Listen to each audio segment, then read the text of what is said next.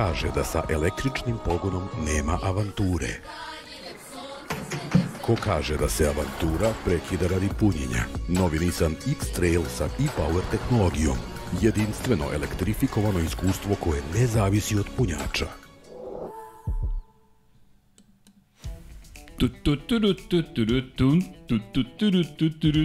Ćao svima! Jeste malo ranije nego što ste navikli, ali dobrodošli u najnovije izdanje Lab 76, broj 290 i uz celu jednu gošću krećemo u današnju akciju. Deki, gospodin Dejan Potkonjak je prisutan, uskoro stiže sa lica mesta zločina prve trke ove sezone Jelena Trajković zvana Zvezdica. Sledeće nedelje nadam se da će nam se pridružiti čovek koji obeća da će to učiniti Aleksandar Đankić, poznati kao Đanki Baby, ali ako i ne bude, pa Biće, neko od nas će svakako biti u studiju. U krajnjem slučaju predat ćemo mikrofon i jel te našim gostima. Šalu na stranu, dobro nam došli za početak današnjeg druženja. Želim da vam kažem, mazite se i pazite se, budite dobri jedni prema drugima, vozite računa jedni drugima i naravno udarite like. A ukoliko niste subscriber, pa eto, ovo je prilika možda da postanete i uz ovu seču muzike da krenemo akciju. Šalimo se, naravno. Vreme je da se malo družimo sa Moto Grand Prix, međutim, pre nego što krenemo dalje, prvo da pozdravim sve koji su bili na sajmu, htio da kreći knjiga, ali sajmo automobila, to je Moto Passion plus salon automobila koji smo mi pretvorili u svoj evrosni sajon. Salon knjiga, malo izložba Valentina Rosija, Formula 1, a naravno u celoj toj priči i mogli ste da prisustujete briljantnim vožnjama svih naših dragih posetioca kada je reč o Formula 1 i da vidite jedan Kawasaki ZX 14R Ninja iz 2007. godine custom. Dva customa su bila ove godine na sajmu, jedan je bio kod nas, gospodin Slavko je dovezao iz Novog Sada mašinu koja se prelivala u kameleon bojama, samo je srebrno letač nedostajao i da bude ugođaj potpun. Naravno, posetili smo našeg dragog i divnog sponzora Nissan i pozabavili se ponovo X-Trailom. Pratite Instagram i društvene mreže, bit će tu još nekih priča, ali kada je reč onome što smo radili, pa eto, bili smo vredni, malo se družili i naravno komentarisali trku Moto Grand Prix za vikend, ne jednu, ne dve, već četiri, šalu na stranu. Sprint je stigao, istorija, nova era je otvorena i Evo nas u nekoj novoj eri. Zašto danas u 5 sati? Pa, reći ću vam vrlo iskreno, trudimo se uvek da budemo vrlo otvoreni, a to je Čika Mile Ilić, gospodin Jao Mile nas je zamolio. Ja bih danas od 9 da radim uživo, pošto mu danas jedna godina od kada je krenuo sa podcastom. Jedna godina od kada je gospodin Mile Ilić počeo sa svojim podcastom, pošto radimo u istom studiju, studiju na kraju univerzuma. On je naš dragi gost i rekao je, momci, ja mogu ja večera sa 9. Čika Mile, Pa naravno da može, pa tu smo da se družimo i da se držimo zajedno jedni uz druge, tako da znate otkud pomerenje, ma košarkaša koliko hoćete u ovom studiju, a još i Miksa i Vanja kažu hoćemo NBA da radimo jedan na jedan. Može, momci, u svakom slučaju, u jedan od tih podcasta upaći, upašći deki. Nije mu dovoljno što u Kosmosu, što je u Lab 76, što je u Movie Nights ili kako god da se zovu ti podcasti u Formuli 1, Ja mislim da samo 99 yardi još nisi posetio, ali dobro, doći će i taj trenutak. Bengalsi, nosim vaše boje, ajmo da vas vidimo ove godine u Superbolu, da bi deki stigao. No, da mi krenemo sa Moto Grand Prix. Jelena će doći u nekom trenutku i ona je u akciji ide posle na utakmicu. Ne znam večeras ko igra košarku. Vratno Crvena zvezda, pretpostavljam. Više ne mogu pohvatan, malo zvezda, malo partizan. Nisam u tim tokovima, ali za koga god da navijete, samo uživajte. Nadam se da ćete proći gde god da treba da stignete. Nekih top 8 se spomenje, ako nisam daleko od onoga što se dešava. Pa eto, držim jednime drugime palče. Potpuno sam neutralan, neću reći nezainteresovan, volim uvek kada neko s ovih prostora uspe, bio to klub, čovek, kako god, i pričat ćemo ljudima koji su s ovih prostora, nije baš bio najbolji vikend za njih, ali, gospodine Potkonjak, kako ste? Dobro. Ej, prošle je sajam, da. vidi. Kako za koga? Kako za koga? Da, mi smo jutro su 8 da. sati, ne, baš svi, neki su bili u 8 časova ujutro na sajmu, neki nisu, neki nisam, ali, ali sam stigao, svako slučaju, na, na nošenje i pakovanje. Prebacili smo stvari u magacin koji je bio ovde u Svetogorskoj, mogao da nas vidi kako guramo. Stvari, znaš koliko ljudi je prišlo, moramo neki, neki, neku, ne, ne, ne znam, da otvorimo neku otvorenu prodaju, OTC da nabavimo neki izlo. Jel su dok se na prodaju? Ne, jesu na prodaju, doćete tu kod nas u Svetogorsku. I tako, bilo zabavno. Jesi mi ti dobro? Pa dobro, dobro, polako se neke stvari vraćaju normalno, kreće nešto drugo od posla, ali dobro. Takav je period godine, generalno. Ilovača. Da, pa, da. Šalimo se, naravno, Da. ali iza kulisa ima mnogo toga što mora da se učini, zabavno je ispred kulisa, pa iza kulisa zna da bude i kako zabavno, ali ponekad kada se sve završi, kako, ok, kako smo ovo izdržali, ne znam, ali tu smo, a imam osjećaj da nam je neko stigao, je to zvezdica? A, stigla je zvezdica iz Portima, iz Algarve, a Tako da taman za ovaj uvod da čuju u potpunosti šta smo to sve skuvali, pripremili i čime smo se bavili, kojim analizama, a koleginica iz prodaje ima NFL. Kod je zdravo, Jelena. Mo, Helena, molim vas ovim putem, e, kako ste dobro nam došli u studio i jeste pocrnili? Dobro čuveno, kao blago tebi ideš u Portimao, važi, idem ali na stazu, ne na plažu, mada bolje na stazi bilo ovog Kako ti vikenda. kažem, ti bi pocrnao, ja Da. ne... Čekaj da vidimo da li ti mikrofon uključen. Mislim da je taj isključen trenutno, ali... Zdravo, isključenje. E, e, mislim da nije uključen. Sad ćemo da ga odmutujemo. Obično je ugašen da bi zvuk bio bolji kada je samo dve osobe u studiju. Morat ćeš možda malo da podigneš da bi moglo bolje da se čuje kad proradi. Tako? A, ja mislim da bi to trebalo... Ne, ne, ne, ne, ne ta, to tako otkačiš. Samo blago podigneš. Sredit ćemo. Pa nešto neće. E. Pa tako. Tako. Malo Dobro. radijski mora da bude. Dobro. I e, ako se ako proradi, onda super, ako ne proradi, snaći ćemo se. A, opa, čuje se koleginica iz prodaje, to znači da drugi mikrofon proradio. Sedmica radi, a četvorka... Jelena, možeš da kažeš nešto? Zdravo. Ne, ne radi. E, ne čujemo te, e, namestit Ne ćemo. čujem ni ja samo. Bravo, Jelena. Čujemo se. Ali dobro. U svakom slučaju, dobro ti nama došla.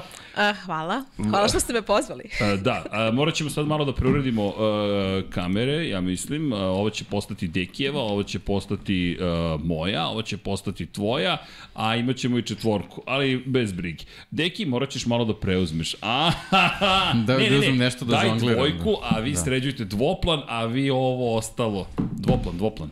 Dobro da vas pustim, okej. Pustit ću vas. Eto, Deki imaš reč.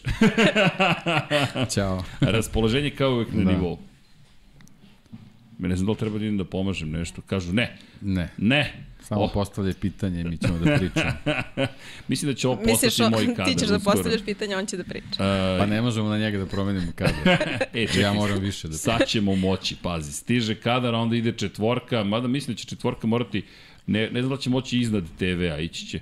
Nema veze, pogledaj smo podigli TV, kako vam se dopada. Ali zato vidimo gošću našu. Ej, dobio sam novi kadar, opa! Deki, preživjeli smo. Dakle, ja vam želim dobrodošlicu još jednom svima, tu je gospodin Dijan Potkonjak, tu, tu je Jelena Trajković, krećemo. Ljudi, iza nas je istorijska prva trka koja je podrazumevala i sprint trku, mada nigde ne piše sprint race, ne piše ništa, ni sprint race, ni sprint, sprint qualification, pošto nisu kvalifikacije, već je sprint. Samo sprint. Samo piše sprint. Deki, mislim da je to u tvom duhu. To nije trka, to je sprint. Ne, dobro, ovo jeste. Ali ovo jeste trka Formuli zapravo. nije, ovo jeste. ovo je baš prava trka. Za one koji ne znaju, 75. godina od kada održavamo, to je 75. sezona zvanična šampionata sveta u motociklizmu.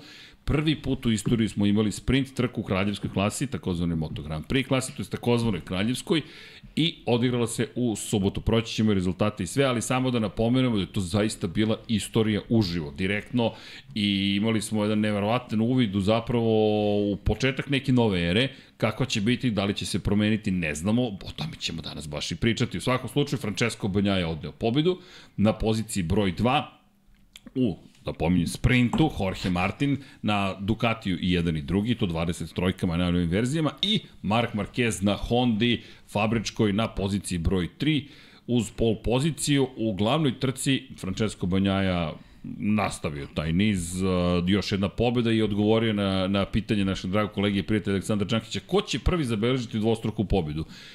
Izvolite, svetski šampion Francesco Banjaja, 37 poena na poziciji broj 2 na kraju trke. Maverick Vinales, deki, da ima- imat ćemo o čemu da pričamo Aprili, na stazi koja ide gore-dole, nije samo da je ravna. I još jedna bitna stvar, Marko Beceki na trećem mestu sa prošlogodišnjim Ducatijem za VR46 ekipu, dakle fabrička Aprilija između dva Ducatija, ali fabrički Ducati potpuno dominacija i naravno jedna od većih tema navijali za njega ili navijali protiv njega, Mark Marquez vas ne ostavlja ravnodušnim svakako i najveća tema zapravo celog vikenda je na kraju ispao Mark Marquez i taj čuveni incident u krivini broj 3, promašio kočenje, blokirao prednji točak, izgubio kontrolu nad motociklom, pokupio što sebe, izbacio sa staze, pokupio Miguela Oliveiru, ni manje ni više jedinog portugalskog vozača na RNF Apriliji, i mnogo toga se još dešavalo, to su neke glavne teme. A sve to na početku sezone u kojoj smo se pitali da li su sprint trke to što nam treba, da li će popuniti tribine, da li ćemo imati previše rizika sa sprint trkama ili ne, da li je to iz perspektive poena dobro ili ne. Mislim da sada imamo već više odgovora, odakle god želite da krenemo, možemo. Ja bih samo spomenuo Francesca Banjaju za početak. Ljudi, savršen gotov vikend. Bio Što samo se najmanje o njemu priča zapravo. Ali zar to nije normalno? Pa da, ali to je kad si ovaj, u ovoj ulozi u kojoj je on sad upravo i poželjno. Da, da. Ostavite me na miru i ja ću, Za da, odbra, ja ću da odbranim titulu. To je to. ali bukvalno ja ću da odbranim titulu. Pri čemu, ako pogledaš Max Verstappen, Sergio Perez, manje više od njima niko ne priča kao da li će se između njih nešto desiti u Formula 1 u Red Bullu, a isto i ovde priča Banjaja koji najmanje se bavimo njime, a on čovjek 30, maksimalnih 37 pojena iz prvog vikenda.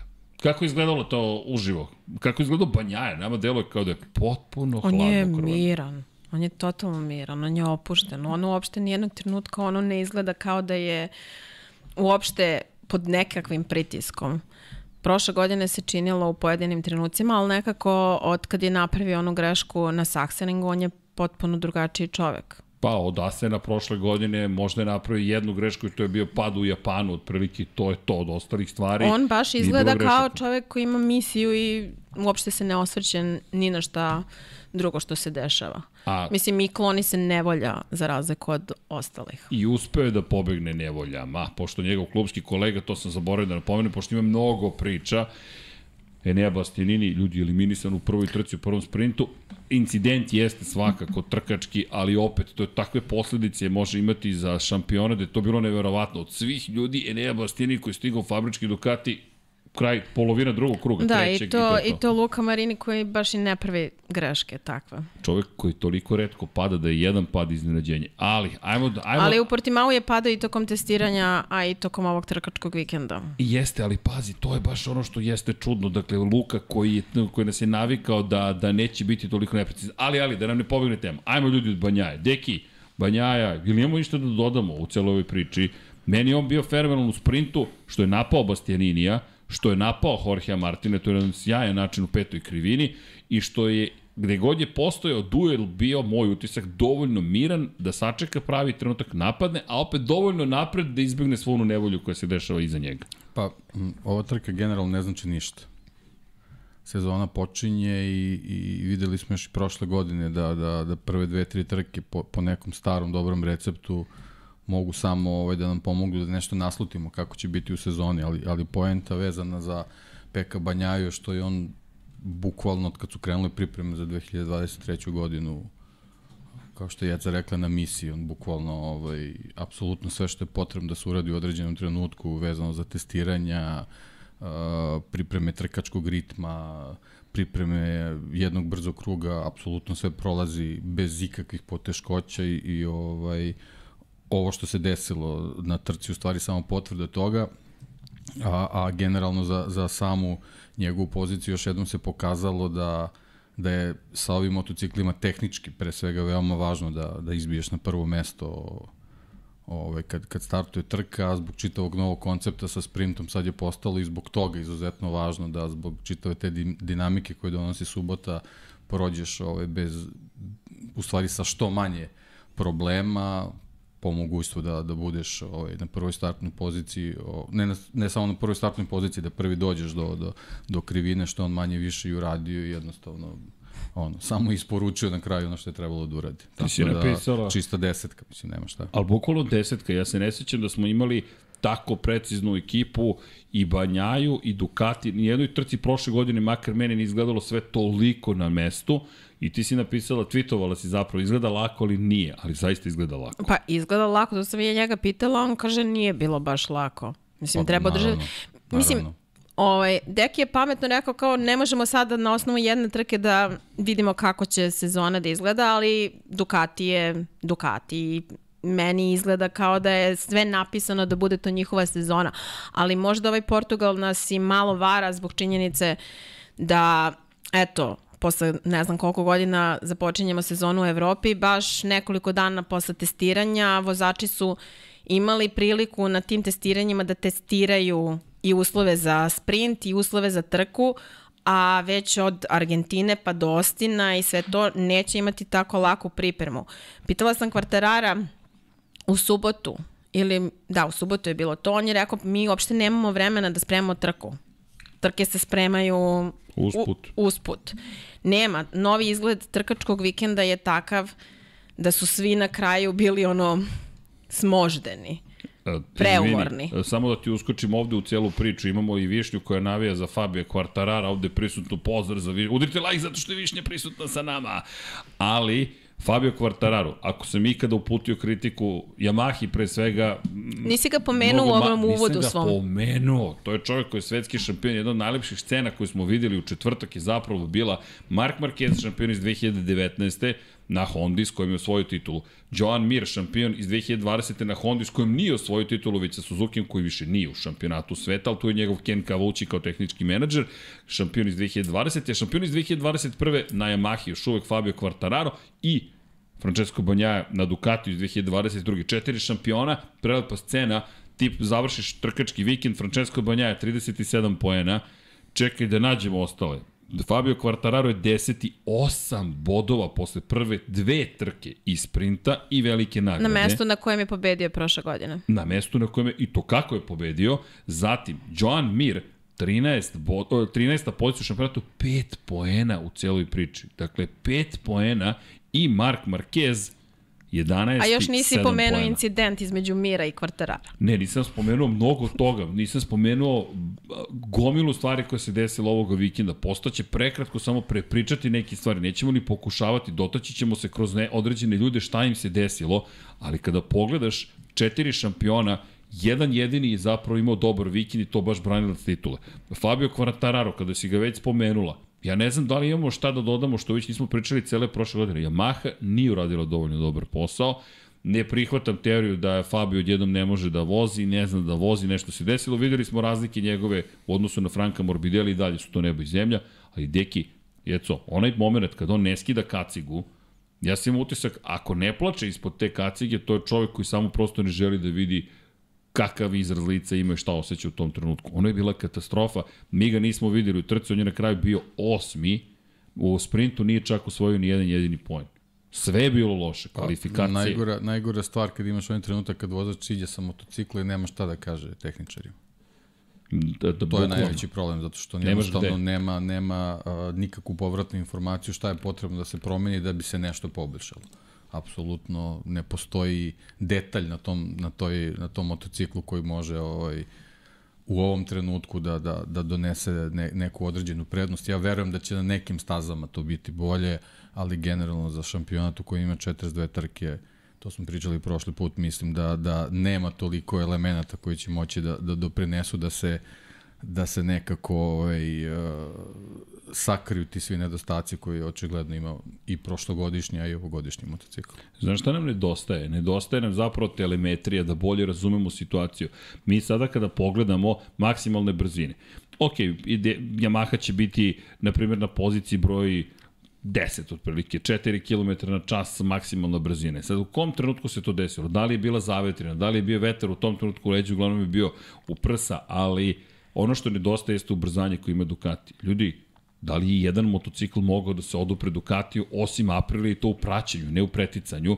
Mi imamo KTM koji je delovao kao da je stavio, inače pohvali za Jacka Millera i za Breda Bidera, pogotovo za Jacka Millera, najbolji u treningu broj 2, peti na početku trke, u sprintu se borio za plasman na pobedničko postoje, čak je vodio u sprintu u jednom trenutku, na kraju isto bitka z- Pa malo... dobro, borio se i za podijum u nedelju, tako da taman. Jeste, ba, baš Ko izgledalo bi dobro. očekivao to? Ali a, ko, bi očekivao? Ja, ja zaista nisam očekivao, ako pričamo o prijatnim izvinjenjima, ali ni taj KTM, ljudi, to izgledalo kao da je motocikl stajao na startnom ciljnom pravcu. Ali on izgleda, mislim, ovako gledajući sa strane, mislim, na stazi KTM izgleda, izgleda impresivnije nego, nego Yamaha.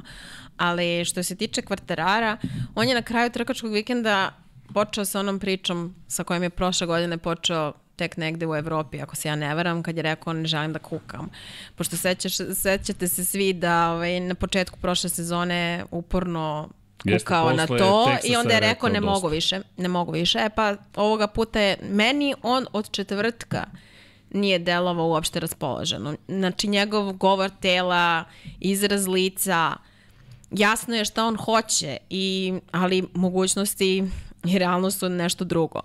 Tako da ni, nisam sigurna što se tiče Yamahe, mislim oni su odradili možda malo bolji posao nego što je izgledalo to do poslednjeg dana testiranja, ali to ne izgleda dobro uopšte. Poslušajte ovo, ako smem da uporedim, vremenski uslovi jesu drugačiji. Dakle, uporedit ću prošlu godinu, kada je pobedio njegove krugove. Ovo, su krugovi koji su iz prošle godine, Fabio Quartarara.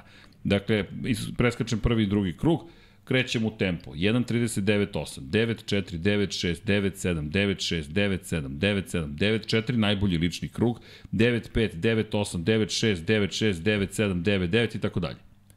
Ove godine Fabio Quartararo za osmo mesto 1.39.2, 9.2, 9.4, 9.7, 9.4, 9.5, 9.3, 9.3, 9.2, 9.2, 9.1, 9.2, 9.2, 9.1, 9.0, to mu je najbolji lični krug, 9.7, 9.6, 9.2, onda polako počinje popušta. Ali svi krugovi su bili bolji nego prošle godine. Ajmo da se vratimo na trenutak čovjek koji je startovao sa poslednje pozicije i morao je da se probija, jel te, do, do, ne do vrha, ali do osme pozicije. Zanimljivo je da je Banjaja prošle godine ovde bio osmi. 1.41.5, 1.3, 4.0, dakle 0.6, 0.8, 0.6, 0.1, 0.2, 0.3, 0.2, 0.2, 0.0, 9.8, 9.8, 9.5, najbolje lično vreme, 9.8, 4.0, 4.1, 4, to je 0, no, izvinjam se, 40,5, pa dakle 40,1, 40,0. To je prošle godine Banjaja. Ove godine Banjaja za prvo mesto 9.4, inače za hiljaditi deo sekunde je samo bio sporiji u drugom krugu odnosu na treći. 9.4, 9.3, 9.3, 9.2, 9.3, 9.1, 9.0, 9.0, 9.2, 8.9, 8.8, 9.1, 9.1, 9.3, 9.2, 9.0, 9.0, 9.0, 9.3. Oni su napredovali sekund po krugu odnosu na prošlu godinu. Quartararo ima bolje vreme nego što imaju prošle godine, ali je to i dalje izgledalo kao da prosto nije dovoljno dobro. Još pride si standardno u gužvi, niža sta- startna pozicija, njegovi rezultati kada pogledaš nisu toliko daleko, ali on toliko problema ima u gužvi, da ono što je Deki rekao, doći će staza da će to biti bolje, ali Ducati ljudi je napredovao, ja ne znam ka, ja mislim da su radili ono što si ti najavljivao, sklopili da taj motocikl zaista bude kompaktan. I da je to ono što smo videli u drugoj polovini prošle godine. Meni je ovo bilo zastrašujuće kad sam gledao analizu. Razmišljam, Fabio može da kaže, ej, bio sam brži nego pre 12 meseci. I gde si bio osmi? A pa, prošle to godine je je ono što dominacija. pričali, Ducati je nekako napravio, evoluirao je do toga da je napravio motocikl koji u principu se nežno vozi. Jednostavno trebaš da ga maziš i paziš i, i to je to. Sa svakom agresivnosti ti si, ti si van staze i dalje, ali je generalno poenta da, da ovaj, kada, kada uklopiš sve elemente koji su neophodni, taj motocikl ti daje to vreme to. koje si upravo i, i pročitao. I rolo ljudi To se vidi, to se vidi i po Zarkovom finišu u trci. Zarko film, Koji je okej. već postao poznat po tom, Da, po tom koga- finišu, koga nismo spomenuli. Ali, ali generalno... Ovaj, Svašta ti nisi pomenuo još. A, mo, taj motocikl ti pruža da ukoliko si na, na, na vodećoj poziciji kao što je Peko i, i bio i prošle godine i ove, da jednostavno možeš da, da napraviš svoj tempo, ne moraš više da razmišljaš da li ćeš da spališ gume, da li će da se desi ovo ili ono, jednostavno potpuno je sve izbalansirano, a sa druge strane možeš da voziš kao što voze Enea ili kao što vozi Zarko, da jednostavno gradiš svoju poziciju, da, da, Napreduješ da tokom trke. Tak, napreduješ tokom trke i da pripremaš taj finiš da te apsolutno ponovo ništa neće izdati. Jednostavno to je to je sad ta prednost koju, koju drugi moraju nekako da, da ostvare, ali pričat ćemo tokom podcasta. Sad smo došli u situaciju da vozači Yamaha i Honda moraju da rizikuju, što je nekad bilo obrnuto i evo, Ne da moraju da rizikuju, o nekim nego... situacijama koje nisu baš Da, pa ja, onako da, nisu baš Da, Nežne. nisu nežne. Znači, Naprotiv. završava se ovako ili onako, ali u svakom slučaju vozači nisu zadovoljni nikako. Ljudi, ne možemo da odemo od toga. Meni Banja i dalje broj jedan priča, jer mora da bude. Vodi u šampionatu, nosi broj jedan. Meni je on izgledao carski, ne kraljevski, carski, bukvalno. Svi podanici moraju da budu poslušni. To je dominacija. Pa izgledaju u skladu sa tim brojem koje nosi. Zaista izgledao dobro. A baš iz meni nikad bolje u Moto Grand Prix. Toliko siguran u sebe i zastrašujuća informacija. Pa znaš kada kako, on nema, on nema više nikakve, nikakve pritiske na svojim plećima. Završio. On je, on je ostvario sve šta je, šta je želeo da uradi u karijeri, ovo sad sve ostaje nadogradnja čisto. Jel vam A imao, kao... je, imao je skupe škole u prošlosti, tako da sve On je platio, naučio, sve on je, naučio. on je bukvalno naučio sve lekcije koje je trebalo da nauči do sada. Da li je jedina, jedina lekcija koja mu ostala je borba sa timskim kolegom. To smo, Pa- nažalost, ovog puta ovaj, nismo, nismo je Nismo dobili, dobili. ali kažem, duga je sezona i, i kažem, Biće. po meni, dok ne dođemo zaista u Evropu, Jerez. tu će stvari početi sezona. Jerez, dakle, kraj aprila. To će brzo, je. ljudi. Ali, ali, ali ja i dalje mislim da a, mislim da, da, da, da, da koliko god da će početi u Evropi ta vrsta sezone uz ovakvog banjaju, ukoliko on može sada da iskoristi priliku, a verujem da je svestan prilike koje se ukazuje, dakle da napadne što u Argentini, što u Ostinu, jer da se dotaknemo i sad moramo da ubacimo i Marka Markeza u celu kalkulaciju, zašto? Zbog Ostina. Inače, ne, bismo, ne bih se možda time bavio toliko, ali Uh, ko će sve raspustiti ovo što nas čeka. Dakle, nije Bastianini povređen. Neće ići na operaciju, ne znamo kada će se u potpunosti oporaviti. Nula bodova iz prvog trkačkog vikenda, nula bodova verovatno iz drugog trkačkog vikenda. Ako Banjaja opet ostvari dvostruku pobedu, to je 74 pojena prednosti posle dve trke u odnosu na klubskog kolegu.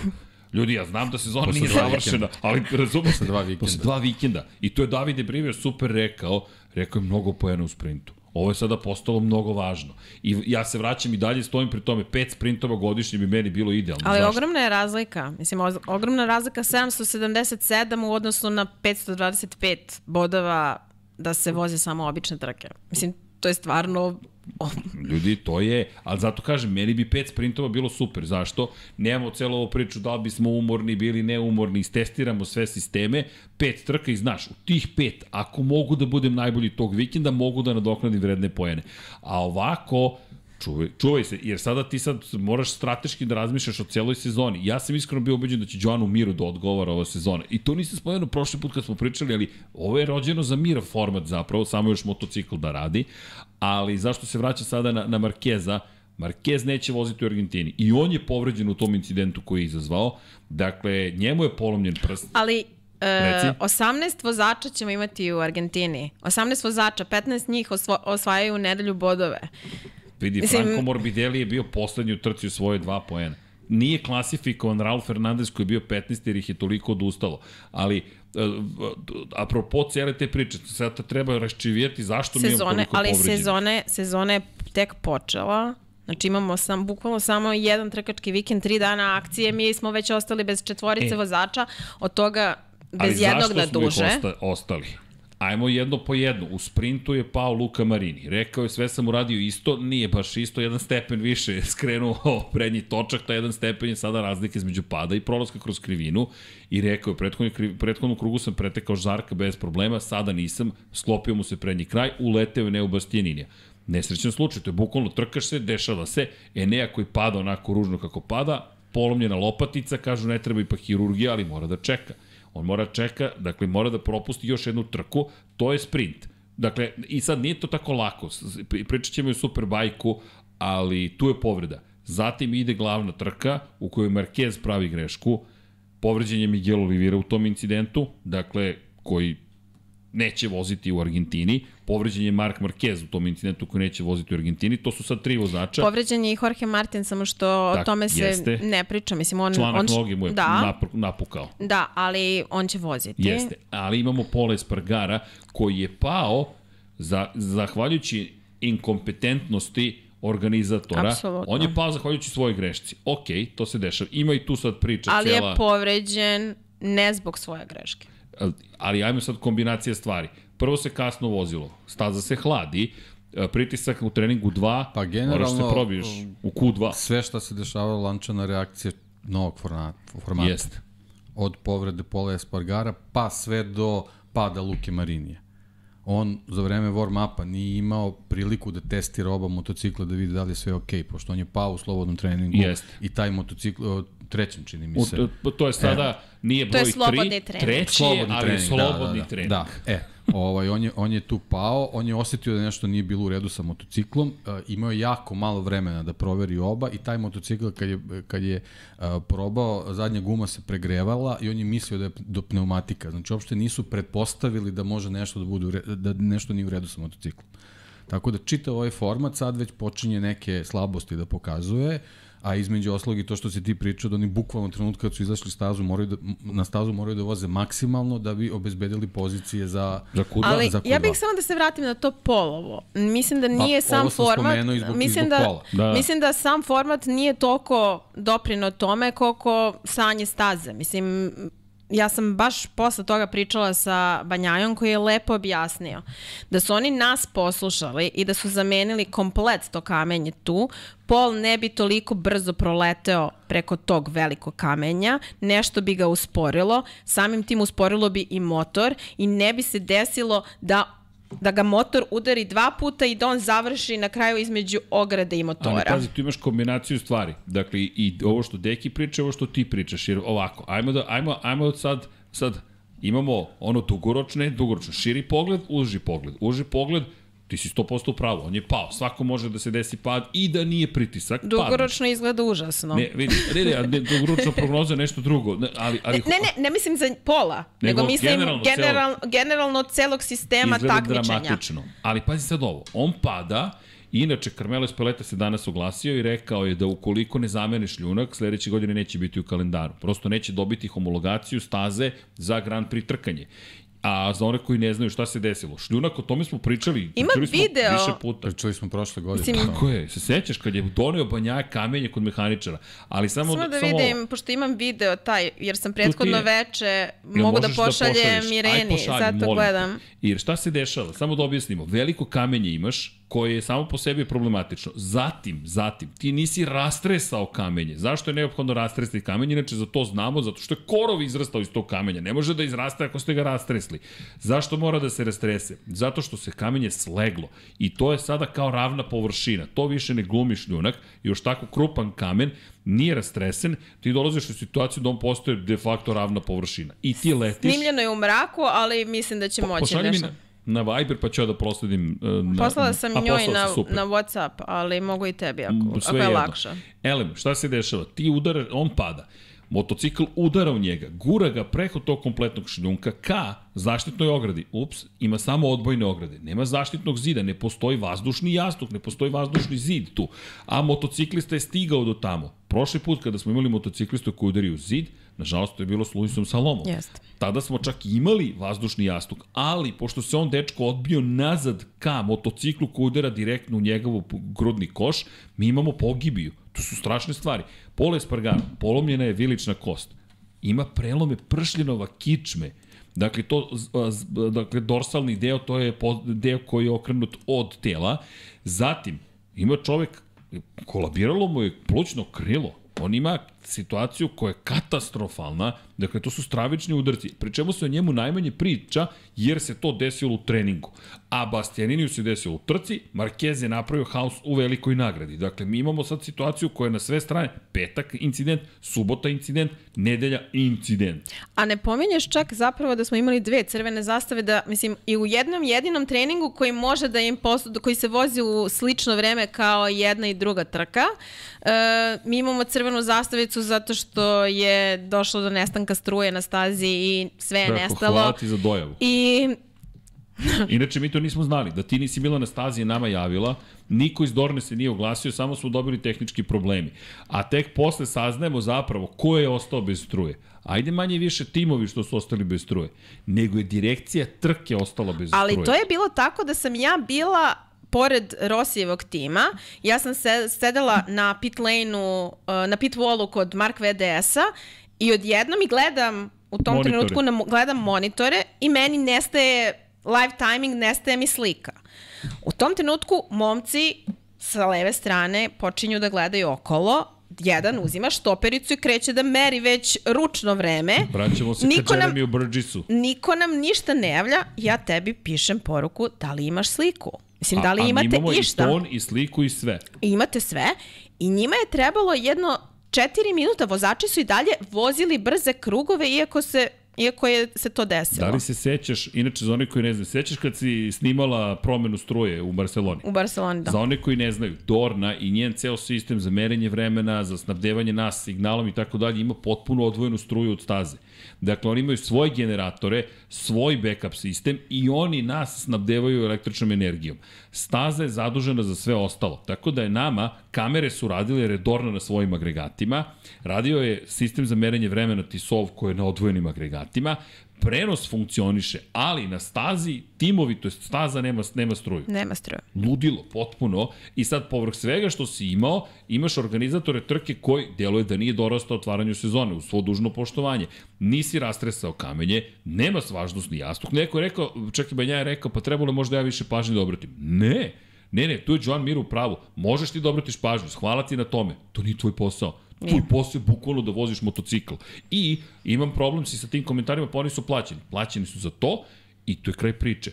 Ako sam ja u šampionatu koji kaže da je najbolji, da je perjanice, da je to Formula 1 motogra, motociklizma, to ne može da se desi. Ima incidenata u Formuli 1, ali da se ne lažemo, Bernie Eccleston je od toga napravio sistem gde to ti se jednom desi i završio si sa ugovorom što se njega tiče. Ali moram da kažem, oni su se, oni, e, mnogo toga nije funkcionisalo od početka trkačkog vikenda. Naprimer, desilo se, mislim, vi znate da kada dobijete akreditaciju, dobi, dobijete waiver koji treba da potpišete i on je uglavnom u elektronskoj formi poslednjih godina. Potpisuješ ga pre nego što stigneš Da, tamo. pre nego što stigneš tamo. E pa, a, ovoga puta se dešavalo da su ljudi potpisivali tako i da nisu mogli da uđu na stazu zato što jednostavno nešto nije funkcionisalo. Ja ne mogu da vam objasnim koliki je red ljudi koji su, na primjer, u četvrtak mogli da uđu na stazu fotografa, novinara, a onda stoje ispred nekog kontejnera gde se očekuje od njih da fizički potpišu to isto što su već potpisali.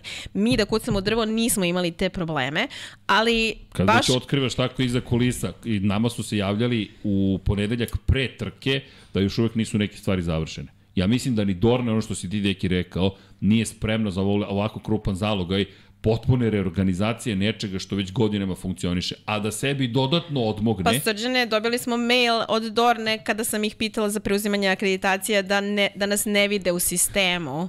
A Ok, Jelena je akreditacije... rešila da otkrivimo sve. Inače, za one koji su pitali gde su helikopterski snimci, nisu pročitali ugovor za ovu sezonu i onda smo morali da urgiramo kod njihovog satelitske ekipe jer nisu znali da treba da nam isporuče kadrove sa, za helikopter i za on-board. I onda smo se dopisivali sa do, ako već idemo tako da Pa ne, pa ne otkrivamo ništa, pa ne otkrivamo ništa. Ali to se dešava. top secret. Ne, nije top secret, ali baš je bio raspad sistema. Pri čemu imali su i dve trke Red Bullovog kupa Novajlija. To se, to se zaboravlja, to se održavalo na stazi. Dakle, ne samo da sebi nisu olakšali, nego su pored ispunjenog vikenda dodali to. I onda dolazimo na ovo što si ti rekao. Ti sada imaš trening 2, koji ti određuje Q2, u treningu 3, to je slobodnom treningu pada Luka Marini, nema povratne informacije, on mora na Q1, u Q1, Q2 da se bori, da zapravo prošao je u Q2 direktno, ali da se spremi za kvalifikacije koje određuju startnu poziciju i za sprint trku i za onu glavnu trku. Da li je pritisak ogroman ljudi? Puta pet, verujte. I pročito sam dosta komentara, pa i u Superbajku ima više trka. Ajmo, ajmo unazad, ajmo da krenemo od manje, manje vidljivog. To jest ono, ne, više vidljivog, ajmo ovako. 21 trka, 21 trkački vikend. U Superbajku ima mnogo manje trkačkih vikenda i dodaću jednu bitnu stvar, Superbike i Grand Prix motocikl samo liče.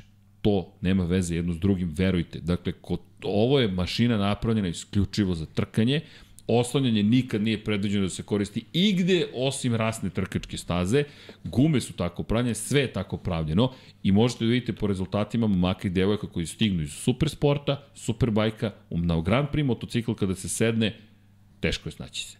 To su potpuno druge priče i ja stojim pri tome, volim i jedno i drugo, zaista obožavam, počeli smo pratimo Superbike više, Grand Prix trkanje se iz tog razloga zvalo Grand Prix trkanje. Ovako povećati, duplirati, čak i to što se bune je već haos u glavama. Ja ne znam kako će oni u Argentinu da stignu do sve u Argentini da organizuju i mislim da su ti 100% pravo kumulativni efekat, dodaš Pitaš se kako će, pa evo to. već se Irto oglasila da se izvinjava zbog stanja na stazi u Argentini trenutno. Mislim, danas su se oglasile. Dakle, Mislim, sad dakle, malo pre sam čekaj, čitala na prve putu do ovde. trke su ti na stazama koje nisu spremne za Grand Prix Mislim, trke. evo da ti kažem, e, prvi put sam bila u Portimao i onako prilazak stazi mi je bio, imala sam utisak e, da je previše sve sterilno, sterilnije nego u Kataru. I da je nekako sve što se tiče organizacije mnogo bolje na svim ostalim stazama nego što je tamo u Portugalu. Pa pazi, nisam bio kao ono što sam... Portimao nikad nije bio planiran da bude Grand Prix staza. On je, da vas podsjetim, u kalendar ušao zbog COVID. Jest, Da. bravo deki. On, Da, ali- on, on nikad nije bio u planu da, da bude u ovoj priči. Mora- Nego jednostavno u celoj toj sezoni kad, kad smo bili željni trka, tamo se des, E, da desilo vam su kažem- se spektakularne trke i onda onako emocija ih je ponela sve i ovaj, Ali da zato vam je kažem Portimao jedan detalj. na kalendar. A da vam kažem jedan detalj. Tražim, to jest hoću da po- pošaljem materijal i ne radim internet, a onda mi kažu, pa znate, internet ne radi posle stepenica. Ovako na pola Ali, medija centra postoje apropo- stepenice i kao do tog zida internet radi Čekaj, na kablu, trenutno- posle toga ne. Trenutno smo polili ulje, sad smo zapalili cijelu organizaciju. Ček, stani. Ne, poenta je, poenta Pa- je ako, ako stalno poredimo Moto Grand Prix sa Formulom 1, Grand Prix je što se tog nekog organizacionog dela tiče i, i tog tvrdoglavog prepucavanja vezano za razne stvari na nivou Jean-Marie Bal- Balestra. Znači nisu ni blizu Bernie. Ecclestona, a. Nisu, kamoli danas nisu, Formula 1. nisu. Zašto sam spomenuo Bernije? Ljudi, vi znate kod Bernija imao si jednu šansu. Ako je ne iskoristiš, gotovo je. I Što onda si ti rekao, nema trudili. kablova. Ne, nema. nema kablova kod Bernija. Ovako, Bernija Berni da bi ušao. Berni bi ušao u onaj pen i samo Bukvalno. lju- odmahivao. To je, ali bravo, deki, volim tvoje analogije Jean-Marie Balestre, gde si izvukao Balestre u celoj Pa priči. zato što često to je to. poredimo da, da je ovaj Moto Grand Prix Formula 1 90-ih. Bukvalno se iz trke u trku pokazuje da je tako. Jeste. Oni, Jeste. oni bukvalno uče sad eksperimentišu i nažalost vozači plaćaju cenu. Oni kopiraju... Nije najskuplja i želim da tako i ostane. Da, znamo šta to podrazumeva, ali mnogo opasno. I ono što je velika razlika, to je motociklizam je i dalje izrazito opasan. Baš je opasan. I tu mora da se povede računa koliko god se ima delovalo, pa još jedna trka plaćeni su za to. Inače, nisu plaćeni za ovo. Dakle, imate ceo haos trenutno. Nisu. Nisu plaćeni, oni su ispregovarali ugovore pre nego što je ovo dogovoreno. Trenutno, ko bije bitku, i to ozbiljno, Karlo Pernat. Karlo Pernat, ljudi koji je radio, ne znam šta sve nije radio u karijeri. I nije baš, da kažemo, najnežniji bio u svojoj karijeri. On je taj koji zastupa stavove svojih vozača. I on je taj koji se bori da dobiju bonuse za sprint trke. Jer trenutno ih plaćaju isto kao što su, ih- što su planirali za 21 trku. Izvini, jel vozimo 50% više trka? Ajmo ve 50% veću platu. Ne. To nisu dobili. I trenutno, da znate, ozbilj... I sad, već ovo, pogledaj, mi, mi smo započeli priču o, o, o tempu, o trci, o motociklima. Ne možemo da stignemo do ovoga, a ne, nema šanse da odustanemo. Nećemo se praviti blesavi i reći, pa ništa se ne dešava. Ne, ljudi, dešava se, to su tektonske promene. I pitanje je, kako će se sve ovo završiti. Ono što si ti isto rekla, 18 vozača nama stiže. Inače, niko ne menja vozača. Luka Savadori neće biti u RNF-u. RNF koji je podneo žalbu motocikličkoj međunarodnoj federaciji na visinu kazne Marka Markeza za izbacivanje Miguel Olivire. Marquez koji je rekao, slažem se da treba da dobijem veću kaznu, dobio inače, to ti nismo ni spomenuli, dobio kaznu drugog, duga, dva duga kruga, tako je napisana kazna, inače da se zna, da ne bi bilo zavere. Za sve vozače, osim za Toni Arbolina, je upisano da će, sled, ne za Celestina Vijetija, da će služiti kaznu na konkretnoj trci sledećoj trci imenom i prezimenom velikoj nagrade Argentine. Šta je problem za oni koji ne znaju? Sudije su inicijalno Freddy Spencer, inače to napisao, danas baš David Emmett piše, kaže Freddy Spencer, drugi najbolji vozač svih vremena, ali, ali, ali u ovoj ulozi se ne snalazi. Ne.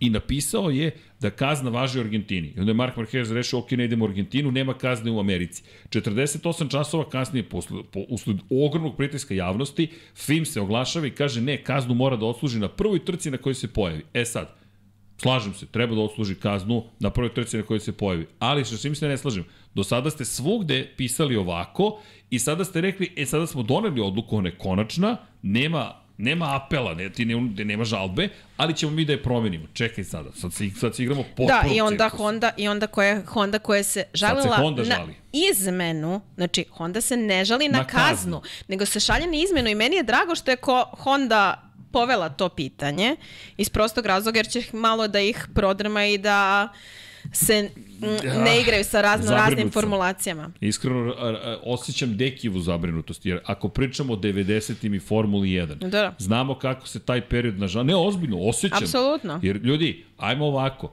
ko je čovek koji rizikuje non stop u svakom treningu, u, svak, u svak, svim kvalifikacijama i svim trkama? Za mene je to Mark Marquez. On tako vozi. Šta smo rekli pre dve nedelje za Ayrtonov rođendan, ko je vozio najbrže što je mogao u svakom treningu, u svakoj trci? Ayrton Senna.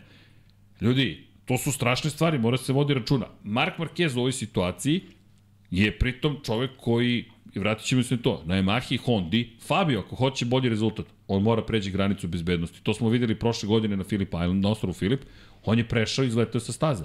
Ti ne možeš više na tom motociklu ako nisi spreman da rizikuješ. U ovom slučaju rizik se svodi na rizik svog života. Pa Bukvalno. jeste, ali znaš šta, meni A je... u kod- incidentu koji se desio i tuđi životi su pod znakom pitanja. Ja nikada, evo, Mark Marquez je imao toliko grešaka u pojedinim trenucima svoje karijere, ali nikad ga nisam videla ovako da je istog trenutka izašao i rekao ja sam pogrešio i mislim Dobro. zaista. Bilo je u Argentini. Dobro, dobro, ali... Ali... Sa učio mi sa, sa, sa Rosijem. I ne vraćam se na priču Rossi i Marquez, već samo u Samo tom je kontekstu da je i, svestan i rekao greške. da je svestan greške, da Pa, prihvata kako, kaznu i sve čoveka to. koji ostane da leži na stazi, ako nisi svestan greške, onda... Ne, ne, ali Ne znam- ne znam. njegov nastup posle svega... Pa, Ne, ne, njegov niko nije nastup- ostao da leži na stazi. Ovo je prvi put da je, da je čovjek, Da, baš da je- bukvalno prvih par sekundi nismo znali šta je sa Oliveirom. Da, jasno Mislim, to, nego... Nije to baš tako Nema- bezazledna Ne situacija. mislim da- ja sad da, da Honda da u, iko u Hondi misli da Marquez ne treba da bude kažnjen, baš naprotiv, nego samo mislim da, da je Ne, samo stvari ovo u doslednosti potez u pravilima. Tako to je. Potez- pričamo godinu dana. da se to nađe to. doslednost i da... Ne jer možeš to, ti, zato što je neko tweetovao neke poruke da menjaš svoj Tako odluku. je. Da. To ne smeš da radiš. Ajmo ovako. I zašto, si, zašto su čekali dva dana ako su pri, Pa, shvatili pritisak. grešku u nedelju? Pritisak. Zašto to Pritisak nisu javnosti. radili Tako je. I to je najgora stvar koja može se desiti jednoj organizaciji da podlegne pritisku javnosti. Znači, apsolutno gubiš sve kredibilitete. I to je poenta. A to se, to se njima bukvalno dešavalo iz dana u dan u Portimao. Mogu da, Da. vas pitam, zašto Celestino Vieti ima kaznu dva duga kruga iz 2022. zbog nekog Da, incidenta da, zato što nije u, u crnu zastavu sa naranđasnim krugom. A, ja se stvarno izvinjam, ali zar se ne resetuje sezona? Hoćete da ga kaznite da nauči da to ne radi u posljednjoj trci sezone. Imao si predsezonska testiranja, Ali bilo je si- objašnjenje, d- mislim tada su rekli da će, izdrž, da će i- izvršiti napad. Znam, Ali, znam, znam. ali hoću da ti kažem, imaš opcije da, da, da ti sada već utičeš na šampionat u 2023. Ti si sebe već stavio ispred šampionata i ispred tog vozača. Da li je napravio grešku? Jeste. Ok, ajmo da te kaznimo. Kako? Evo, oduzimamo ti dan predsezonskih testiranja. To nije mala stvar. Ajmo da te kaznimo finansijski. Ok, ajmo da ti kaznimo, ne možeš da učestvuješ u prva dva treninga na trkačkom Pa imali vikendu. su pa imali su tu kaznu zbog one kad podsjeti me u tim nižim kategorijama kad su oduzimali vozačima po 15 minuta ne smiju da voze prvih 15 minuta to je, treninga. Ali to je kontraproduktivno. Ti mi onako kratko vreme za treniranje oduzimaš i prisiljavaš ih da forsiraju u periodu kad uvedi im poene.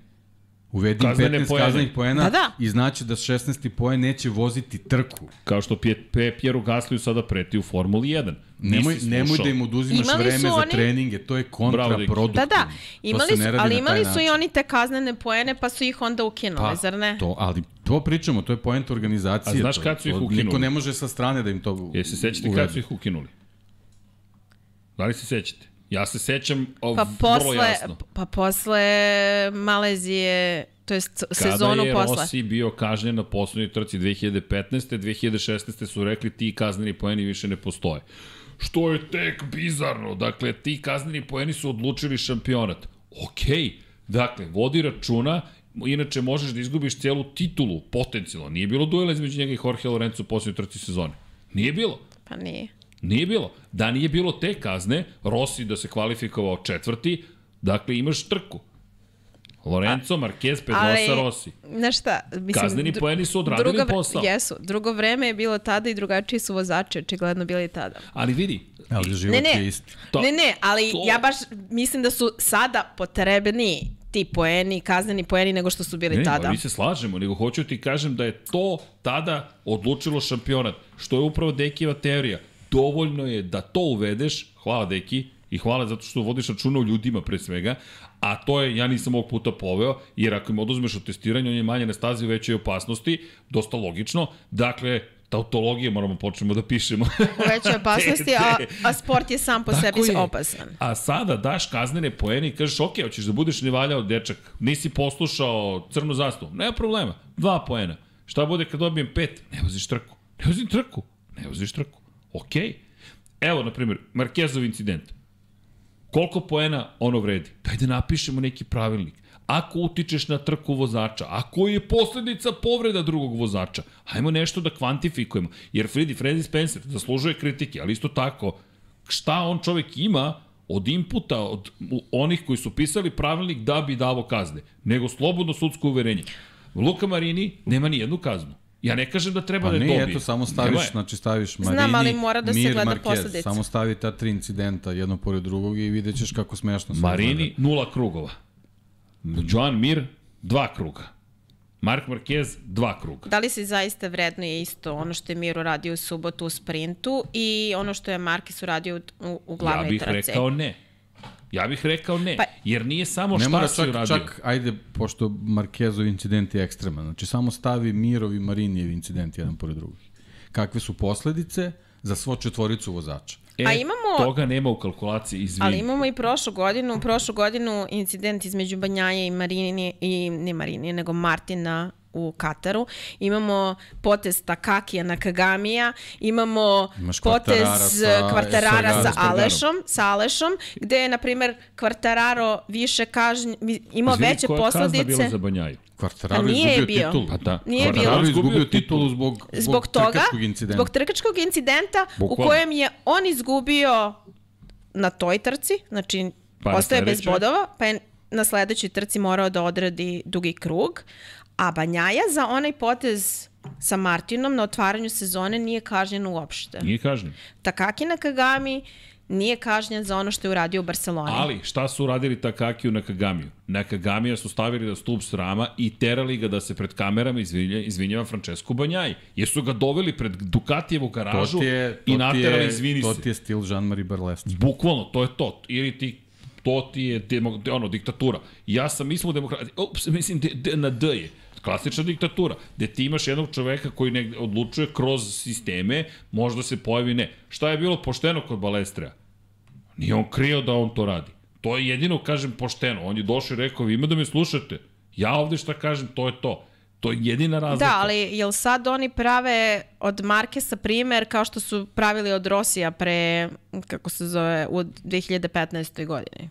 Mislim, jel sad Ali to Ne, poenta? apsolutno ne zbog ovih promena odluka gde oni ispadaju smešni. Pa zato ti kažem, ali šta, šta meni nije Marquez jasno je sam šta sebi oni pokušavaju. upropastio sve ono što, je, što smo pričali, Pričali. što se šalili u predsezoni, pokušava da bude good Bude guy i sve. good guy, tako sam je. Sami se Sve bacio u vodu i sve okej. jeste, ali Njemu kažem, ne šta oni sad nikakva rade? kazna što se njega tiče. Ne, on je, vidi, on je Ali, ali je poenta da mora da postoji doslednost. A, vidi, tu su sad dve teme. Apropo Markeza, dakle, on je u All In ispričao koliko je njemu teško palo 2015. što su mu svi zviždali. I onda svojeručno do, dođe do toga da u Portugalu izbaci jedinog Portugalca. Pazi, bilo koji ljudsko biće izbacio iz te humane perspektive, problem je. Ali, ti si sad omražen među Portugalcima. To stvarno baš ti se ne da. A pritom si sve uradio da kažeš ljudima, ja sam ljudsko biće.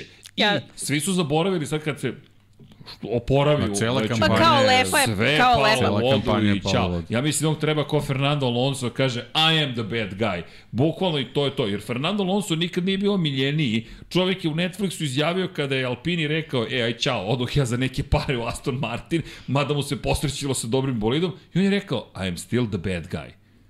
Od tog momenta svi ga obožavaju. Ali ne treba to, od toga, moje mišljenje je da od toga ne treba bežati. I MotoGP upravo to treba u ovom trenutku, a to je da ima to neko pričamo. rivalstvo, to neko rivalstvo i da ima to negativca i pozitivca ili Vidi, više njih. Samo da se razumemo, meni Mark Marquez nije negativac. Dakle, on je samo jedan trkač koji se tako trka od početka svoje karijere. To je ono što smo pričali prošle godine. On se samo ne menja.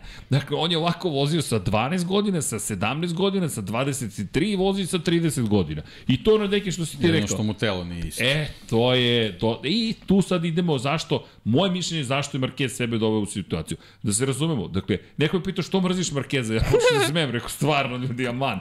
Dakle, Ti pa si kao- stonerovac. E, Da, tako je. Što si ga kritikovao? Pa zaslužuje kritike, ne možeš da promašiš za jednu sekundu sa kočenjem, blokiraš prednji točak i kažeš točak se blokirao. Pa to je kao da Marini kaže sklopio mi se točak, znamo mi šta se desilo, nego kako si doveo do toga ti se blokira točak. I kažem, ja to ne gledam, ja ne mislim da nekog hteo da povredi. Ja samo imam teoriju sledeću. To je čovek koji je ljudi rođen da pobeđuje. I paralele sa Valentinom Rosijem i njim su zastrašujuće. Ti si naviko da pobeđuješ. Sedneš levom nogom, sedneš desnom nogom, sedneš na glavačke, izgubiš kontrolu nad motorom, padne ti koleno, ti uvek pobeđuješ. Lakat, šta god da se desi, ti osvoješ titule. 125, Moto 2, Moto Grand Prix, Moto Grand Prix, jedna godina pauze, Moto Grand Prix, Moto Grand Prix, Moto Grand Prix. Čekaj, ti samo pobeđuješ, non stop pobeđuješ. Pa ne, ozbiljno. Pa jeste. I onda dođeš u situaciju, sada sedneš na motocikl i ne da ne pobeđuješ, nego ne, pobedničko postolje možeš da sanjaš. On je prošle godine slavio ljudi svoje, svoje pobedničko postolje, stoto u Moto Grand Prix, to je bilo opšte veselje u Hondi. I sad još jedna stvar, imaš 30 godina. Šta je Rossi pričao? Ljudi, ja gubim možda hiljaditinku, možda stotinku po krivini. 15 krivina puta stotinka, to sam baš pričao sa mnogo ljudi na sajmu, dođeš do desetinke i po. Desetinka i po, imaš motocikl koji na pravcu izgleda kao da ne radi, kao da nije ista kategorija. Pazi, i ne samo, svi se bave maksimalnom brzinom, ljudi, bavite se ubrzanjem u petom i šestom stepenu prenosa. Još je Andreja Janone pričao o tome na Ducatiju. Pa ne, Deki je sve objasnio. Dakle, uh, nisi bila tu, ne znam da li si to ispratila deo. Slušaj ovo, aerodinamika. Ti kačiš nove aerodinamičke površine. To je super. Samo ako imaš jak motor. Samo ako imaš dovoljno jak motor. To je koncept Formula 1. Motor je toliko jak da će ciglu da protera kroz vazduh brzo. Ti sada praviš ciglu manje više od Ducatija, ali pošto je motor toliko jak, više ne leti prednji kraj, nemaš problema sa skretanjem, sve su napravili što treba, ja ne znam koje sve uređaje imaju unutra i to leti. Sad, ne brani Marka Markeza, evo sad će neko reći obožavaš ga, ok, šta god želim da, da se kažete, preću sve da ih obožavam nego da ih mrzim, svakako ih ne mrzim, nikoga od njih. Ali, ti sada zaostaješ na startno ciljnom pravcu. Kako je on došao do trećeg mesta u sprintu? Pa tako što su napravili grešku zapravo Olivira kada je napao Jacka Millera za treće mesto, otvorio je prolaz u prvoj krivini. Marquez prošao, Olivira ga pretekao i u poslednjem krugu otišao preširoko, otvorio mu vrata. To je bez borbe dobijena treća pozicija. On nije trebalo da bude čak ni treći. Ali, šampioni, sreća se nasmehnula, osvojio pol poziciju zavetriju. Kakav krug je odvezao? Zato što sam rekao da je ko ikar. Odlete čovek, samo što se zalete u sunce. I onda dolaziš do ovoga, kasniš delić sekunde, a to je priznao još pre dve godine kada je, kada je oborio Jorgea Martina u Silverstonu, radio je na ruci da bude bolje, sad je bolje, ali ti dalje nemaš više to. 30 godina pride, priroda čini svoje, mislim, saznaćeš polako, ali on ima ovako šk, ožiljak i ti sad pokušaš na toj Hondi, gde Honda može da nadoknađuje? Samo na kočenju. I to ne samo na kočenju, nego si spreman da rizikuješ mnogo, možeš na kočenju. I naravno ti to pokušaš, a ispred tebe su Olivira koji vozi domaću trku, Jorge Martin koji juri plasma na pobedničko postolje, na Ducatiju koji je ultra mega giga stabilan na kočenju i onda poslušaš Maverika Vinjalesa koji kaže ja sam video da oni kasno koče. Ja sam kočio Pritom ranije. imaš, imaš i, i ovaj, onako prilično rizičnu kombinaciju pneumatika. Tako je. Pride. Ali to je opet gomila nekih faktora koji se, koji se izdešavaju se u novom, novom formatu gde ti pokušavaš da nekako držiš priključak, a nemaš Ne čime možeš. da se boriš. Ne možeš. Mislim, ta da cela kombinacija, ja ga ne branim, zaista. Neko me ovde podsjeti još dodatna stvar vezano za organizaciju i sve. Čovjek leži na stazi, nema crvene E, zvezde. to, U, katastrofa. to je jezivo bilo. Ali vidi, mi smo već navikli na to. Setite Pa se, znam, koja prošle ali godine... ne- ne smemo da naviknemo na to. Ej, strašno.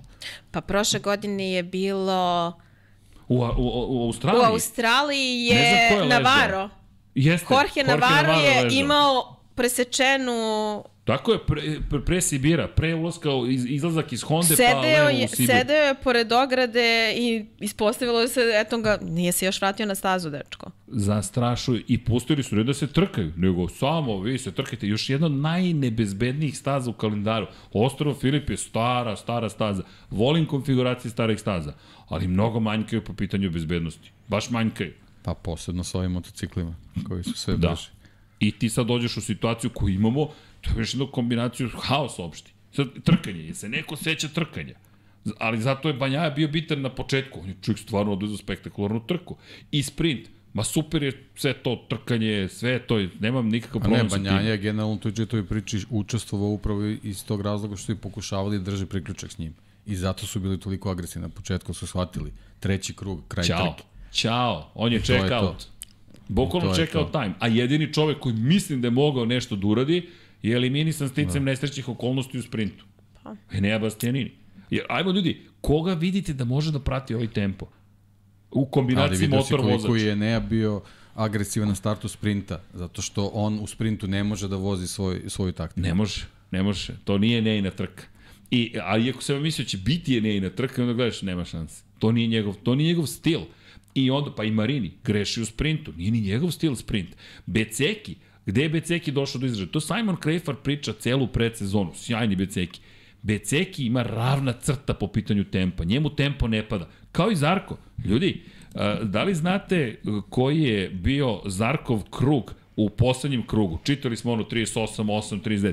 1.40,0 ali gume su gotove. On njihov tempo u poslednjim krugovima 1.40,1, 40,3, 39,7, to je spektakularan krug. 40,2, 39,7, još jedan spektakularan krug, ono sekund sporije od najbržeg kruga i 40,0. Pekove gume nisu postojala na kraju trke. I stopilo Ali se. najsmešnije su izjave Jacka Millera koji kad je sišao s motocikla video da su gume mogli još da izdrže. On je sve vreme čuvao gume misleći da će ostati u finišu bez njih i zato nije napadao Aleksa kad je mogao. Jack, Jack, te, Jack, Ne, ne, ali, Ali- bukvalno je rekao, i, i on i Binder su rekli, bukvalno još uvijek učimo ovaj motocikl, on je, njemu je, njemu je trka u Portimao bio naj, najduži period da je u cugu vozio toliki broj krugova. I kaže, bukvalno je ta situacija da još uvijek učimo motocikl i ono. Šokovi su na sve strane. E, ali čekaj, ajmo, da, ajmo pozitiva. Prvo, ljubav prema Moto Grand Prix ne je njeva, samo što smo dobili priče koje stvarno nismo očekivali, slutili smo da će svega Dobro, biti. ali ajde, Ali, e, kaži, kaži. kakav je tvoj stav prema sprinterci? Pa ja, meni se ne dopada što su uvedene za celu sezonu. Mislim da mi svi zajedno nismo spremni za to. Da. Dakle, od organizatora, preko federacije, preko sudija, vozača, timova, mislim da još uvek nismo spremni da to izdržimo. Nemam ja problem sa njima per se, sami po sebi. Da, okej, već sam se navikao kada su rekli da ih uvode. Moj prvi pit, moje prvo pitanje je bilo zašto na svim trkama, ne zašto ih uvodite. Okej, kopirate Formula 1 koliko god govorili, mislim da i font čak gotovo identičan sprintu koji koristi Formula 1. Ono što mi smeta, ajmo, ajmo prvo sprint, ne smeta mi. Samo bih ga stavio ono što sam rekao, Da, pet puta godišnje. proredilo, proredilo bih. Vidi, to je 60 potencijalnih dodatnih poena godišnje. Čekaj, to vredi nešto. Znaš kako? To onda gledaš, zaokružiš sprint trke i kažeš sebi, makar bih ja to tako posmatrao, jer je Brivio u pravu, to je mnogo poena. Imam pet vikenda na kojima moram da budem poseban. Jer tu mogu da nadoknadim u odnosu na ostale. Jer vidi, aj, izvini samo, Marquez, kažeš učestvuje u nekoj borbi za neku poziciju šampionatu, titulu, šta god. Dolazi sprint. Ti znaš da će on rizikovati. Ti, šta smo rekli? Go, garantujem da će rizikovati Mark Marquez. Prosto on je takav, pročitajte knjigu. Ne- Nije da vam je prodajemo, kupite je. Dakle, pa ne, ozbiljno. On tu piše, Deki je to lepo rekao. On čovjek kaže, ja ću da vozim ovako. On je to u dokumentarcu potvrdio, ja se neću promeniti. Ja sam zaista bio ubeđen do Aragona prošle godine da je njegov plan da postane Padre di Moto Grand Prix, otac Moto Grand Prix. Ne, on nema nikakvu namjeru da se time bavi, on samo hoće svoju titulu koju smatra da mu pripada i to je to. Ništa više od toga. Tu je razlika između Rossi i njega. Rossi jeste bio taj Padre, on je sve u, u Moto Pa, Grand Prix. mislim da Marquez su- to ne želi, on želi titulu. Mislim da su mo- morali malo bolje da promisle to kako taj trkački vikend treba da izgleda, s obzirom na to da u ovom trenutku oni voze jednu i po trku u 24 sata i pritom imaju mnogo više nekih drugih propratnih aktivnosti nego što, koje, koje im oduzimaju pažnju nego što bi trebalo da imaju i generalno fizički je poprilično iscrpljujuće. Naprimer, oni daju izjave, oni imaju posle kvalifikacije izjave kao što imaju, mislim, i za nas, ne I, samo za TV prenos. Ide, ideš u Texas, molim te, pitaj. Mene zanima da, sledeće. Nadam da, se. Pa dobro, dobro, bit će to, a naravno. Nego... Mislim, otkrila sam se na kraju intervjua sa Vinjalesom, pošto su se a, mnogi naravno. pitali gde idemo, rekla sam mu vidimo se u Ostinu. Pa, Tako da otkrila sam se. Ali vidi, vidi, ono što je bitno, molim te ih pitaj. Mene zanima psihički umor. Ne fizički. Aleš je meni još u subotu Psihički. rekao. Aleš je meni u subotu kad sam ga pitala šta misli o tome, o tom trkačkom vikendu, kaže mislim da uh, će ovaj vikend biti zabeležen kao da ćemo svi biti kao pregaženi kada se on završi i da, da ne može da se poredi umor i psihički i fizički sa, sa tim, sa bilo kojim prethodnim. Vidi, jer na primjer nama je lakše u kabini mi smo bili umorni posle sprinta. I ja razmišljam kakav adrenalinski šok, ali ljudi to troši telo. Tebi nadbobreža zvezda luči adrenalin, ti si pod udarom i ti, ovo je super, ali čekaj, ali ovo je bilo pogurati. ludilo, ali ovo je stvarno bilo ludilo. Oni su, mislim, imali smo i kraći dan, jel te? Tako da zapravo je u manjem vremenskom da, imali roku. smo i to. mislim, zaboravili smo i to. Pa imali su i oni. Imali su i oni, pa da, ne, da, ne, da, a, mislim, samo moram da, ušla sam u Dornu i rekla sam im, joj, noća kraće spavam, oni me gledaju i pitaju što. I onda nisu, zaboravili su, okay. zaboravili su da se pomera sat. Jeco, ja Tako mislim da... da smo sad ne zapalili vatru, sad smo i bedeme srušili. Ne, ne, ne, ali... Dorna je ne, ne, u plamenu. Ne, ne, obra... samo sam im objasnila da se vodimo onim tokom trkačkih vikenda. da se... da. Okej. Okay. Ne, ne, ne. ne, ne da, Ovo je više bilo privatno da se vodimo onime što peva Bon Jovi. Nešto I'll sleep when I'm Neko dead. Neko me pita zašto nemate prevode na druge jezike. Zato, zato. nemamo prevode na druge jezike. Još nisu provalili šta pričamo. Ali zato imate najbolji podcast Moto Grand Prix na svetu. Naši kolege moraju ču, ču, sve da kruže. Ako, ako bi pravili problem zbog toga što ono ljudi koji, uh, koji su nam pogrešili akreditaciju uh, ne znaju Samo ti nastavi. ne znaju. Ali... E, ne znaju da se sat vraća, mislim... pa ne, pomeru napred, ali dobro. ne da se nisi vraćala sat. Da, da. Šalim se, šalim se. Ne, ali super je bilo, znaš, dolaze vozači na stazu na spuštene rampe. Šta, Dobro, u Portugalu, je, u Portugalu je bilo poprilično meračno kada smo ustali u nedelju. Ne, ne, srećom, automatski pomeraju satove telefoni. Da, telefoni. I srećom oni spavaju na stazi, ovi iz, iz kraljevske klase. Toliko o tome koliko su tribine bile popunjene, ali da, da, da se vrati... Pa dobro, tribine su bile poprilično u nekim trenucima prazne zbog guža koja je nastala zato što je se napravio čep. Pošto je organizacija opet. Jer je organizacija savršena. Mislim, nas su vodili preko nekog, na neki makadam su nas... Jeste, nastavlja, ne. Pa ne, ne, ne, ali opet, na neki opet makadam. se vraćamo... Srđane, šta sam pogrešno nije, rekla? Nije staza za to. ne, ne, ali, ali ajmo, ajmo, ajmo onaj snimak, molim vas, ajmo jeci snimak kamenja. Ne, ništa ti, meni se sviđa što ti to pričaš, nego, znaš, ja sam onaj politički korektor, da meni super kad, kad i Paja i ti kad krenete... Ajmo da samo nađemo snimak da vidimo. To si kamenje snimak. To je malo... Ne znam da se vidi. E, to je sitno. Vidimo crni ekran, okej. Okay. to je mrak. Prvi to se malo na telefonu bolje vidi. Morat ćemo kontakt da napravim. Manje kamenje. Ali... Evo ovde dalje. Ja to ono veće. Evo vidi se nešto kao. Ne, pa vidi se Tako da, ka kamen, ne, kao da si na železnici. Na laptopu se ne vidi se. Ovde možda Super, to je to, to je to, sad ide u krug. Ali okej, okay, hvala ti za snimak, ali vidi, ne, ne, samo ti nastavi, ne uopšte pogrešno shvatiš, se samo silno zabavljam. Ali, apropo cijele te priče, znaš, ajmo, ajmo, ajmo samo, samo, samo, samo jednu stvar, apropo sprinta, zato bih ja pet puta godišnji sprint za prvu sezonu pogotovo Ljudi, dajte sebi vremena da se spremite. Nije baš da je od, u Dorni sve savršeno organizovano, pa ti možeš sebi da po, po, po, povećaš količinu posla koju imaš godišnji za, za ovu, za, za, samo Znaš sebi, kako, krećeš, drugima. Kad krećeš u takav projekat, moraš prvo da uradiš simulaciju.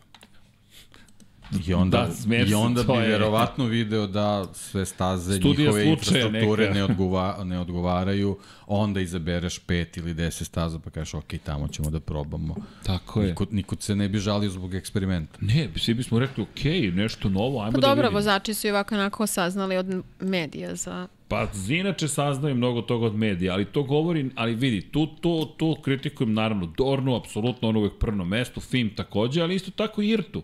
Izvini, Hervé Poncharal je taj koji je zdušno stao iza ovoga, a on predstavlja timove. Hervé Poncharal I opro ruke od svega, ovako. Pa znam, ali i ovaj Viegas Ništa. ide da. iš, glavno je samo se pojavio u boksu, Jeste, slika jeste. se i sve ostalo. Sve, Znači, sve u redu Viejas, ali Viejasa spominjemo, Ponšarala niko ne spominje, a Ponšaral je predsednik IRTE, Interna- International Racing Teams Association. On mora da zastupa interese timova. On je čovek koji je sindikalac. Svi pričaju o sindikatu, pa imaš ga na neki način. Zove se IRTA. Ali ako tvoj čovek je nešto dogovorio, nije obavestio timove, nije ni pitao timove, vi imate problem u organizaciji toj. IRTA očigledno ne radi svoj posao.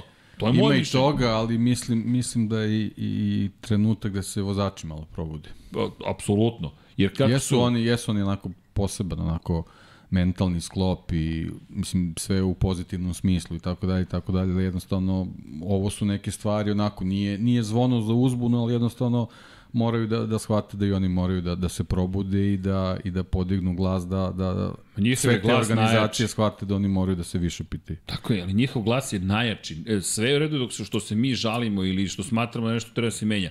Vozači imaju najveću moć. I kada to shvate, možda se neke stvari zaista promene. Ali njihova moć je ubedljivo najveća.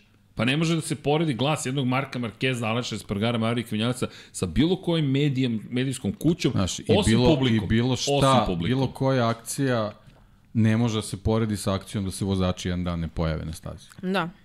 Pa, posle onoga što Znaš, se desilo, apsolutno sve, sve bi promenilo. posle onoga što se desilo Samo sa... jedan dan. Samo Pričali jedan. smo o Digi i tome šta se desilo na testiranjima i da je pono, konačno počelo ozbiljno da se priča o potresu mozga i da nije dobio dozvolu da vozi sledećeg dana pošto ga je doživeo, a znamo slučajeve da su vozači u subotu uh, padali, dobili tu dijagnozu i onda uh, vozili sledećeg dana trku ili trening ili šta god. E, I posle toga rečeno je da će se to kamenje zameniti. I okej, okay, oni su delimično to uradili. Ovo što sam se ja šetala po stazi bilo je u četvrtak uveče. Ali mi smo već u, u petak ujutru videli da nije baš takav slučaj. I oni su imali tu, svi su podigli glas, Peko Banjaja prvi, da, da bi delimično uh, Pol imao manje posledice nego što da, su, da, je, da je posao u pripremi staze određen onako kako treba.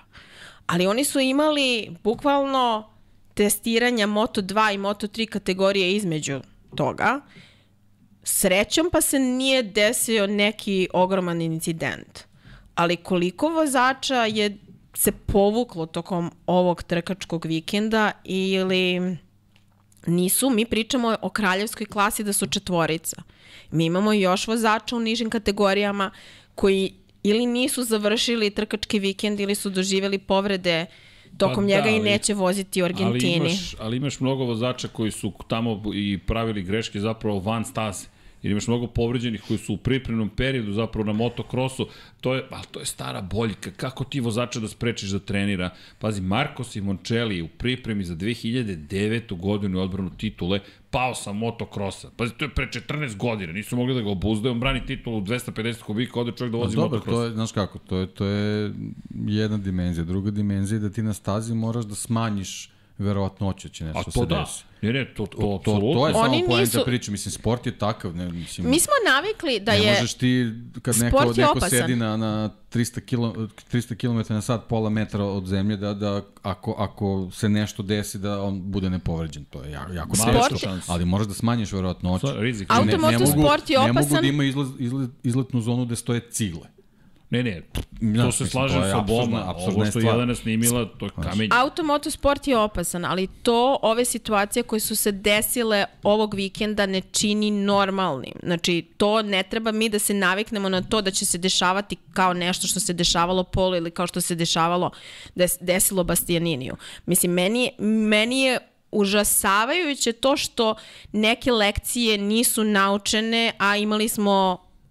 Smrtne slučajeve zbog toga. Mislim, Lu, pomenuo si Luisa Saloma. Kako ne? Pa, pa vidi, ali znaš šta je problem? Što se tek posle Mislim, desi ali incidenta nešto. Ja ne mogu da vam opišem taj osjećaj gde ti sed, gde ti stojiš i pokušavaš da dođeš do neke informacije u trenutku kada oni, mislim, koga zanima Mislim, ko želi da vidi taj snimak kako su oni njega okružili i ukazuju mu pomoć? Mi posle shvatamo da on ima prelom vilice i da su mu zbog toga ukazivali pomoć pola sata. Ali ti misliš na najgore. Njegov brat sedi u boksu i gleda te kadrove. Kako Vidi, vidi. Da li sad- razmišljaš ali o je sad- ljudima? ali- Mislim, ne razmišljaš, Ne, jasno je. Ali, ne, pa znaš kako, ne- ne bih ja rekao da ne razmišljaju. Ja tu verujem zaista da je Emet najbolje opisao situaciju. Zašto zlobi pripisivati klasičnu nekompetentnost? To je nekompetentnost. Nije tu zloba, niko od njih nije zao čovek. Nisu oni zli, oni su nesposobni. Da. To je problem. I tu ne postoji neko, želim da se povredi neki vozač. Ne, ne.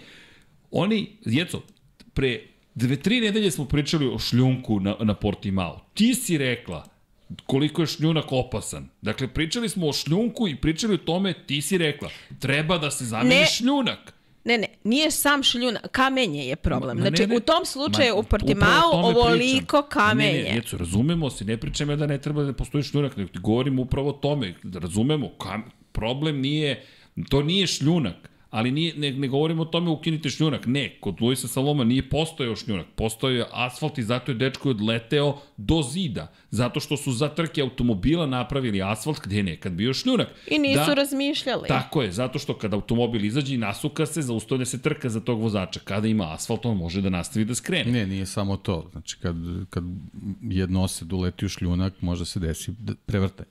To je i I takođe to problem. je jedna stvar koju je Bernie Eccleston presekao svoje vremeno, pa je to bila nepopularna mera, ili je, je Tilke ušao u čitavu priču i napravio bezbedne staze za automobile koje su dosadne. Ali su to bezbedne staze za vozače. Jasno. E sad, tu je krenuo neki miks vremenom se ljudi opuste i onda imaš mototrke na stazama koji nemaju izletne zone za motocikle. Što ne, nije prihvatljivo. Što nije prihvatljivo. Nije U prihvatljivo. Portimao kad GT automobil izleti u kamenje, zaustavi se momentalno, neće, neće ni, ni blizu prići zidu. ali vozač će da preleti. Masa, razlika u masi je ogromna. I sad, ali šta hoću ti kažem? Ja se 100% slažem s tobom. Samo hoću ti kažem da je to nesposobnost. Jeste, pa oni su ne, To ali je moja teorija. Ne, ali ali to mislim, ih- ne samo Emetovo. to svih nas. nikako ne može da ih opravda. Zato što ugrozi, ugrozili su ne jedan život, nego Jeco, šta je Pa rešenje? da, ali znaš što je poenta? Što, što niko ne priča o tome i da Tako više. je. Znači sad je glavna Pol je- priča... Pol je zaboravljen. Sad je glavna priča da li je Marquez treba ovako ili onako da bude. Znači niko ne priča o tome O da je problema. Portimao opasna staza za Moto Grand Prix. Evo danas se oglasio Carmelo kada je verovatno sletao u Argentinu da je rekao da neće dobiti dozvolu, ali Djeco- dobro, pa gomila staza je dobijala ali, go dozvolu. ba, sve to super, ali ljudi, Jorge Martin je jedva živu glavu izvukao sa ove staze. To se zaboravlja, to bo, beo, vratio se, ceo je, spakovali smo ga, ja vozi dalje. Pa nije ceo. Pa nije, ali to niko ne zna. On deluje da je sve u redu.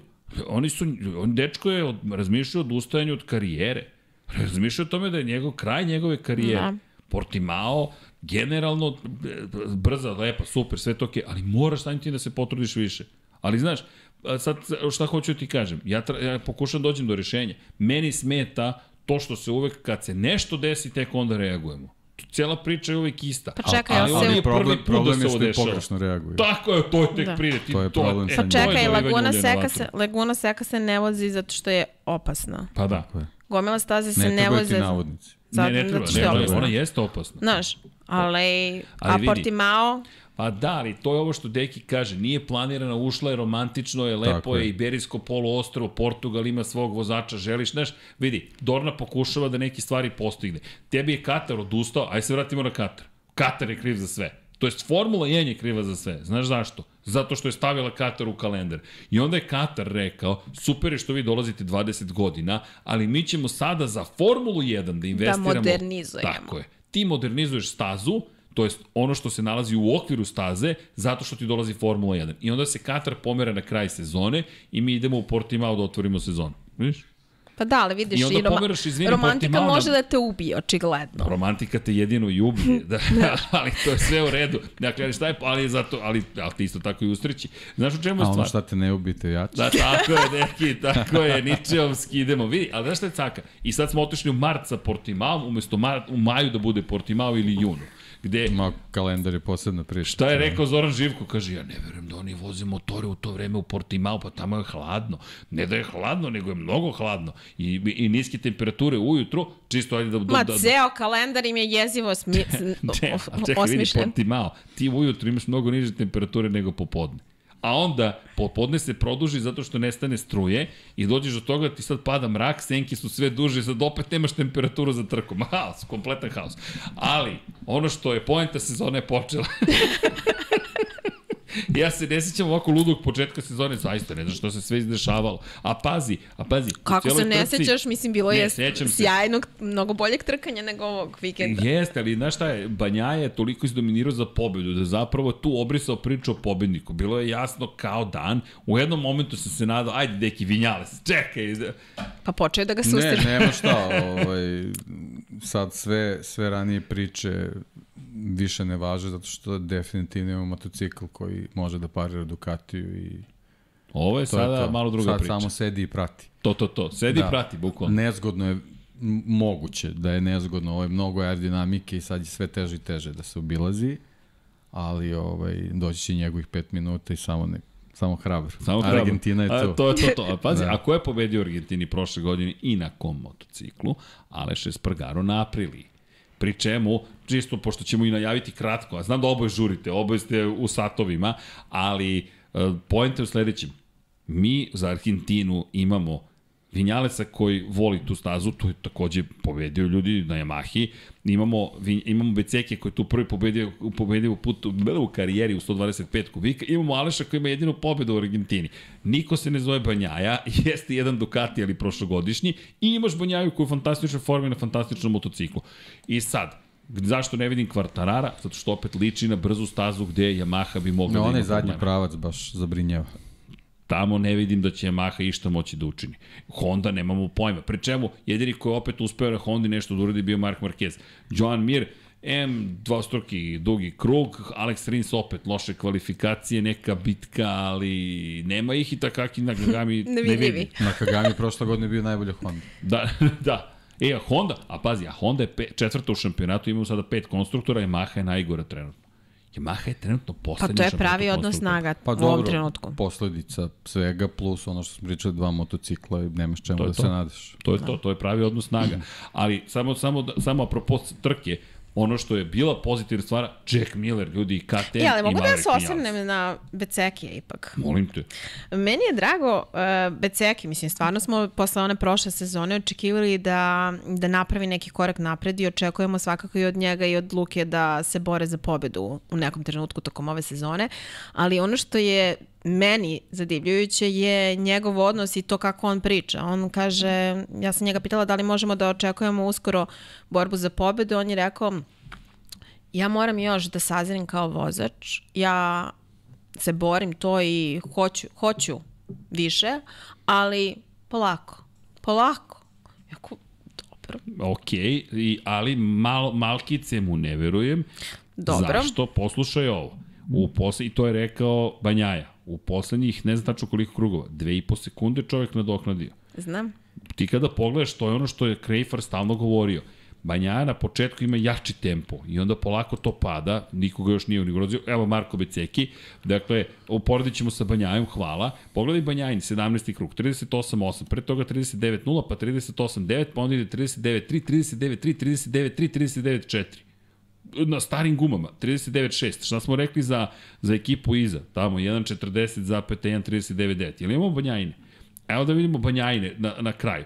Pogledaj Banjajine. Dakle, on od 17 18, 19, 20, 9, 0, 9, 0, 9, 0, 9, 3, 9, 7, 9, 6, 9, 8, 9, 5. Sad, naravno, možda se opustio, ali ne bih rekao baš da se opustio, se sa opustio. Vinjalesom na leđima. Gume su mu E, a evo ti ga Vinjales, E, 17. krug, 8, 9, 8, 9, 9, 1, 9, 1, 9, 4, 9, 7, 9, 5, 9, 5, 9, 6. I šta su rekli i Banja i Vinjales na kraju trke? Rekli su, nisam smeo više od ovoga, jer bi mi izgorela zadnja guma. Ali Becek je rekao, ja nisam uopšte razmišljao o gumama. I on je nadoknadio mnogo vremena. Pogledaj, izvini, vrati Fabija. Pogledaj Fabija. Fabija, ono što smo rekli, stvarno ti kad pogledaš njegove krugove, se trudi.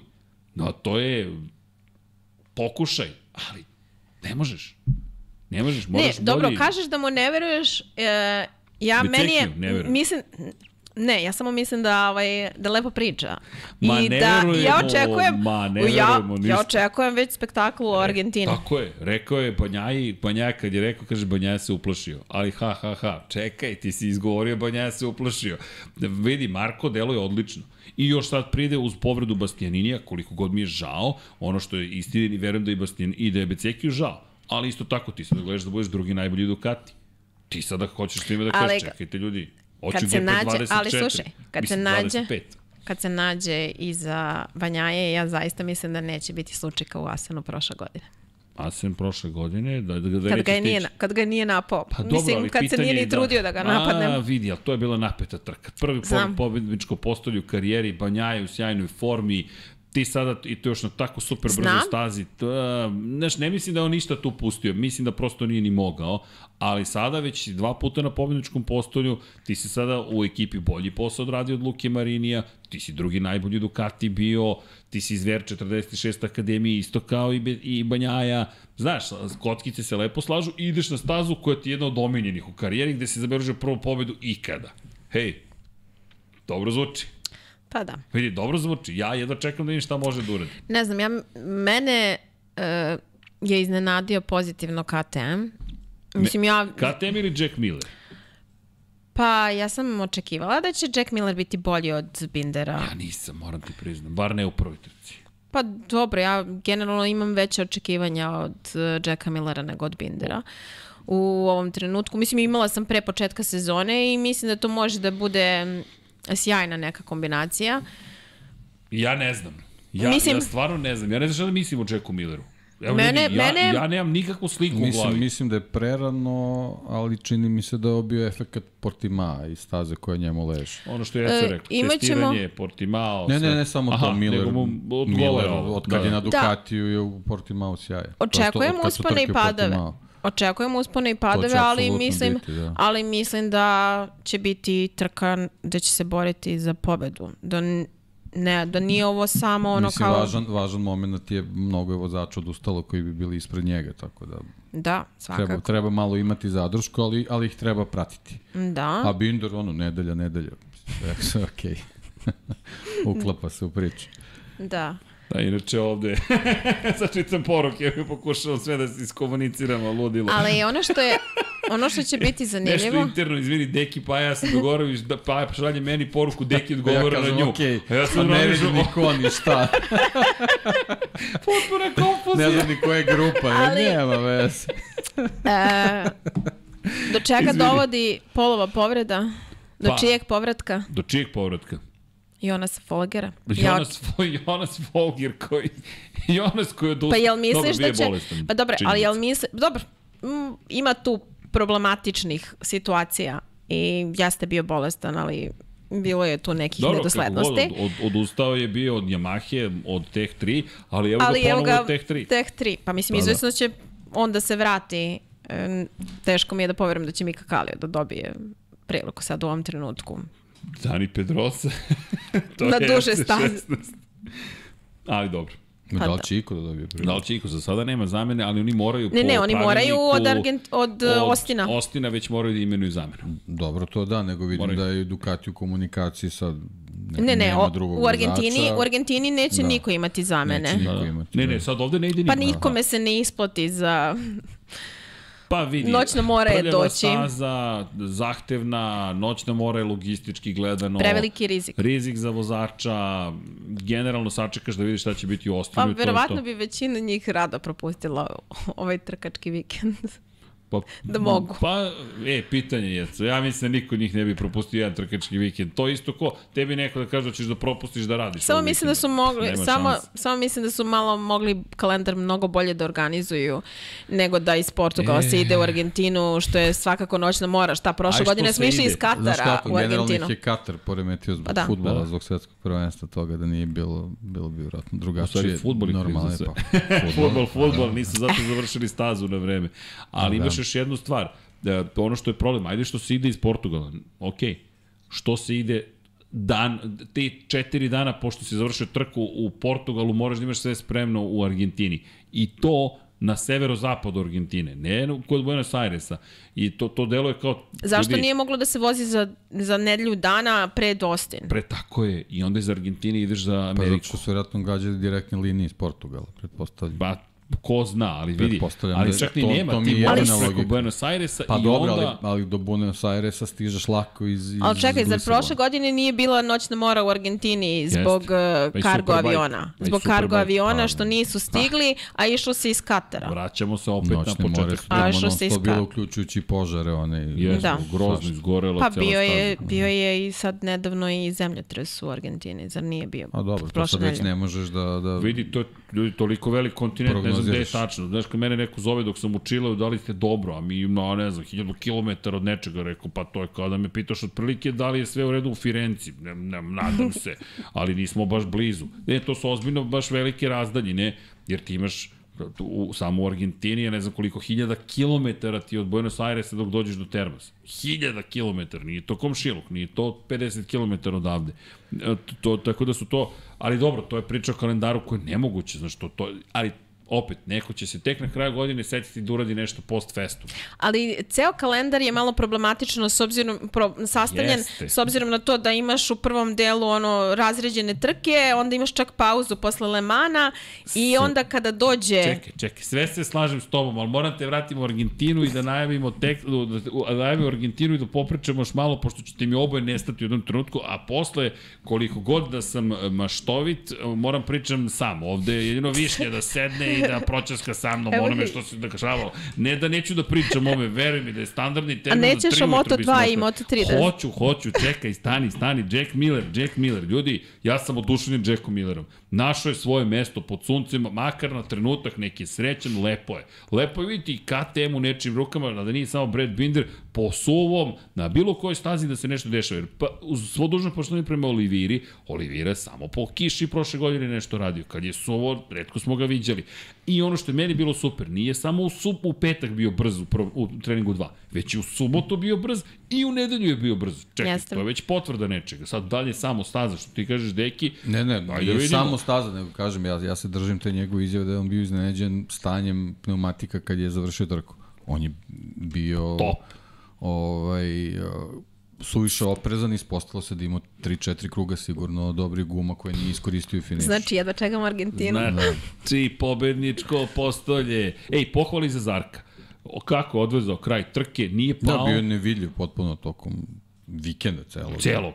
I onda završnica velika u kojoj on pretiče i Kvartarara, on napada i Znači, telu ekipu KTM-a i Breda Bindera, koga nije lako preteći, i napada Jacka Millera i onda hvata Aleksa Markeza, kome se sudbina ponavlja iz prethodne Dobro, sezone on je, on, je, po, on je pojeo gume već. Da, da, ba- ali već se baš videlo. gume i to se videlo, mislim, na, A već ranije se videlo ovaj, da, na, da, na je u problemu. da, da nema više toga. Da. E, Pa dobro, ali Alex, Aleksa nisi ni pomenuo, a on Čovjek je, je peti.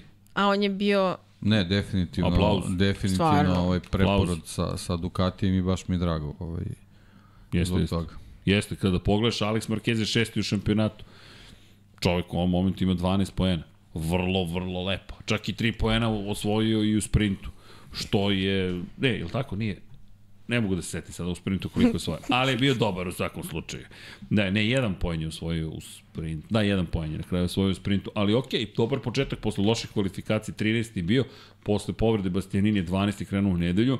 Generalno, super je Ducati bio. Na momentu delovalo baš da je ozbiljan i da bi mogao u Q2 deo kvalifikacija da ode. Međutim, lepo si rekao, preporod i za njega. Jack Miller ostao na nekom nivou koji je imao u Ducatiju, što je već isto pohvalno samo po sebi. E, I iz perspektive Zarka, zaista svaka čast. Ja zaista Pa dobro, ali znaš da kako, super posao uradio. što se tiče Zarka, jeste sve super, ali znaš, pričamo o čovjeku koji vozi GP23. potencijalno Ok, šampionski činjenica. motocikl, tako da Nije baš... može, može to i bolje. Da, da. To, Posebno, posebno kad se pogleda Martin. a relativno gledajući možda ono što sam očekivao šta smo dobili pohvale, da, ali upravo si kada govorimo o tome šta zapravo bi trebalo da uradi, moglo je to bolje. Ali okej, opet tu je. Kome najviše možda zbunio, Aleš Espargaro, iskreno. Očekivao sam ipak više i sad možda dolazi onaj moment, čekaj, Dobro, pazi, Aleš je rekonvalescent posle operacije, Činjenica. plus ima si taj psihološki moment s bratom, bratom. tako da nije ne, to baš zaključak, samo mi merilo, je da, da, da. nekako pogotovo uz dobrog Vinjalesa, opet, pri čemu ako hoće da ponovi bilo što slično prošloj godini, nema, nema sada prilike za pauzu. Pa rekao je da ga da. samo stito i zanima, tako da nije baš počeo kako Ne, treba, ali... Aprilia je pokazala stvarno da i, i trojka i dvojka funkcionišu, tako da... nije baš tokom cijelog vikenda se kao nekako traže, mislim, čak i pre nego što se desilo to sa polom.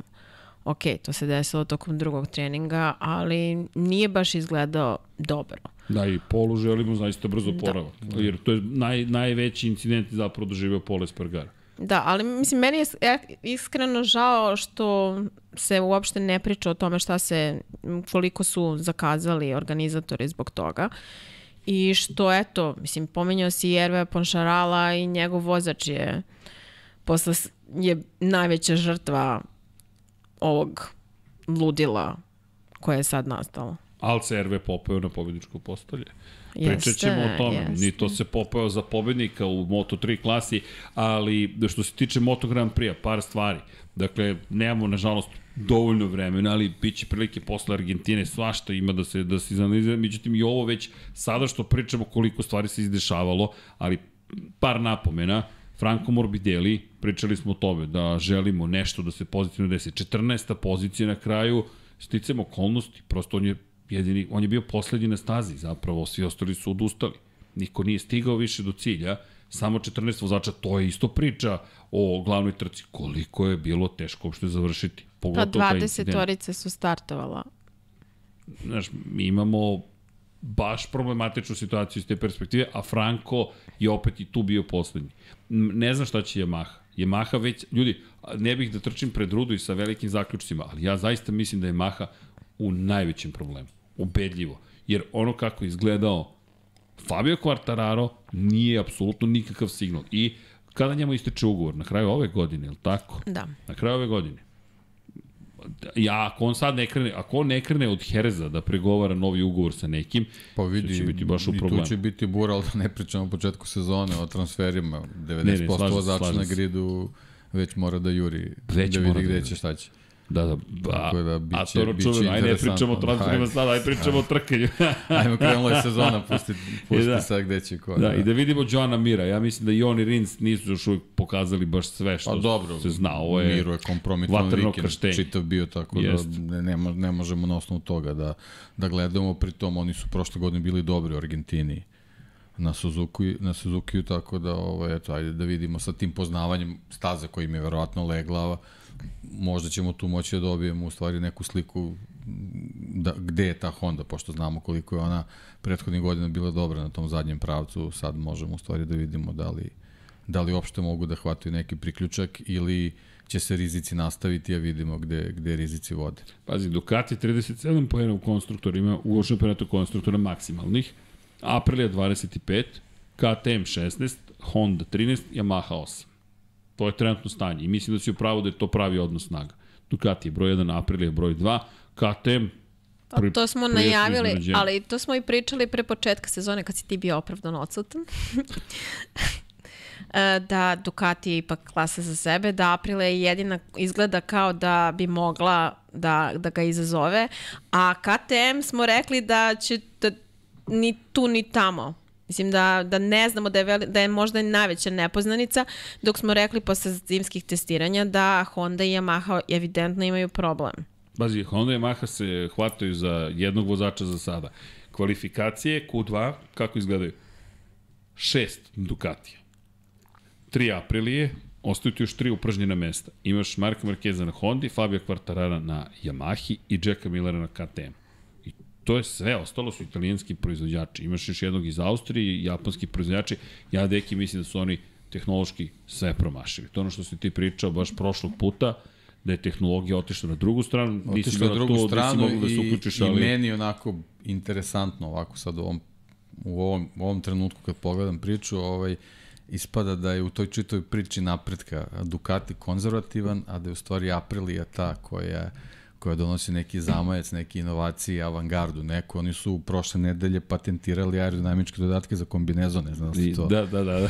propratili, tako da obožavam to i jedva čekam da vidim gde će to sve da odnese sa svim onim kril, krilcima na viljuškama, na, na, ovaj, na delovima gde, gde ne možeš da očekuješ da, da neko može da razmišlja o aerodinamičkom dodatku, u aprili razmišljaju, ali to je ono, filozofija Formula 1 koja je stigla. Jest. Ducati to nema, Ducati je Ducati to išao na taj, na taj razvoj i usavršavanje motocikala, a ovde sad dolazi neka druga priča i baš me zanima gde će to da ide. I, i vidi se vizuelno, to su potpuno dva drugačije Yes. koncepta. Massimo Rivola, čovek Ferrarija.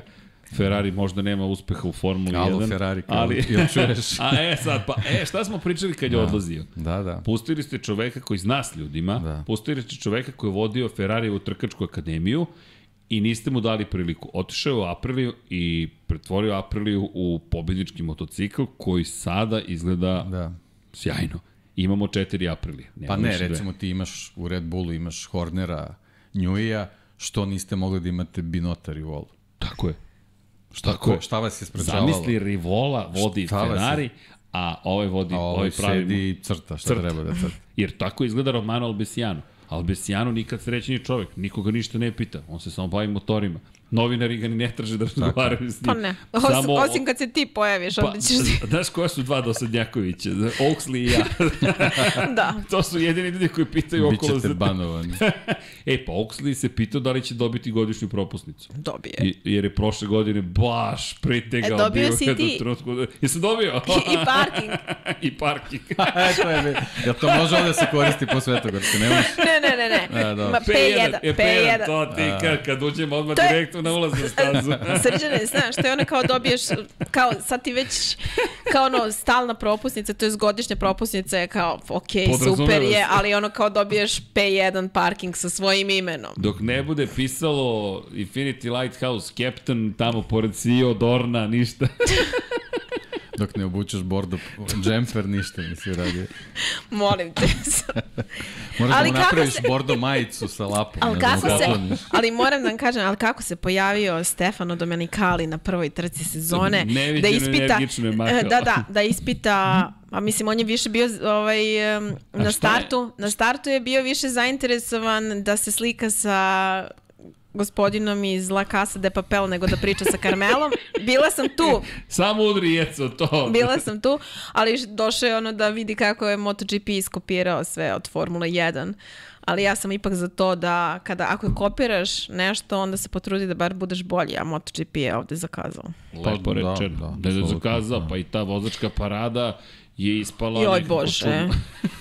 znači ta parada, to uh, parada, mislim, muzika, promo, mislim kao ono, Formula 1 je pre nekoliko ne, mislim, Formula 1 radi to godinama i onda ste se vi setili. Mislim, setim, ja se uvek setim onog Abu Dabija kada je uvedena nova tema Formula 1 i gde smo ono svi razmišljali, joj, a zašto ste menjali ovo što je bilo dobro i onda sada ispadne da je ta Mislim, stvarno je ispalo da je ta numera fantastična i da ono bukvalno kada krene pet minuta pred trku imaš stvarno osjećaj da se nešto dešava. Budljivo je. A MotoGP jeste, angažovali su hollywoodskog kompozitora i sve to izgleda bukvalno, ka, zvu- zvuk je kao, kao da čuješ u pozadini Formulu 1 i onda i nemaš taj neki osjećaj koji si imao kada je išla ona prethodna najava. Are you ready, Boots? Jesi Da. sećate toga? Da, Are you ready, Boots? To ali upravo to i ova posle što je došlo, što smo imali kao ono da ide logo i sve to, nekako si imao, onako nekako pripremalo te za uzbuđenje, ovako nemaš utisak da je to MotoGP. Mislim, možda je rano, zato što je prva trka. Kao kad uh, ovi iz Metalike pevaju onu Rijanu, to je prilike to. Diamonds in the sky.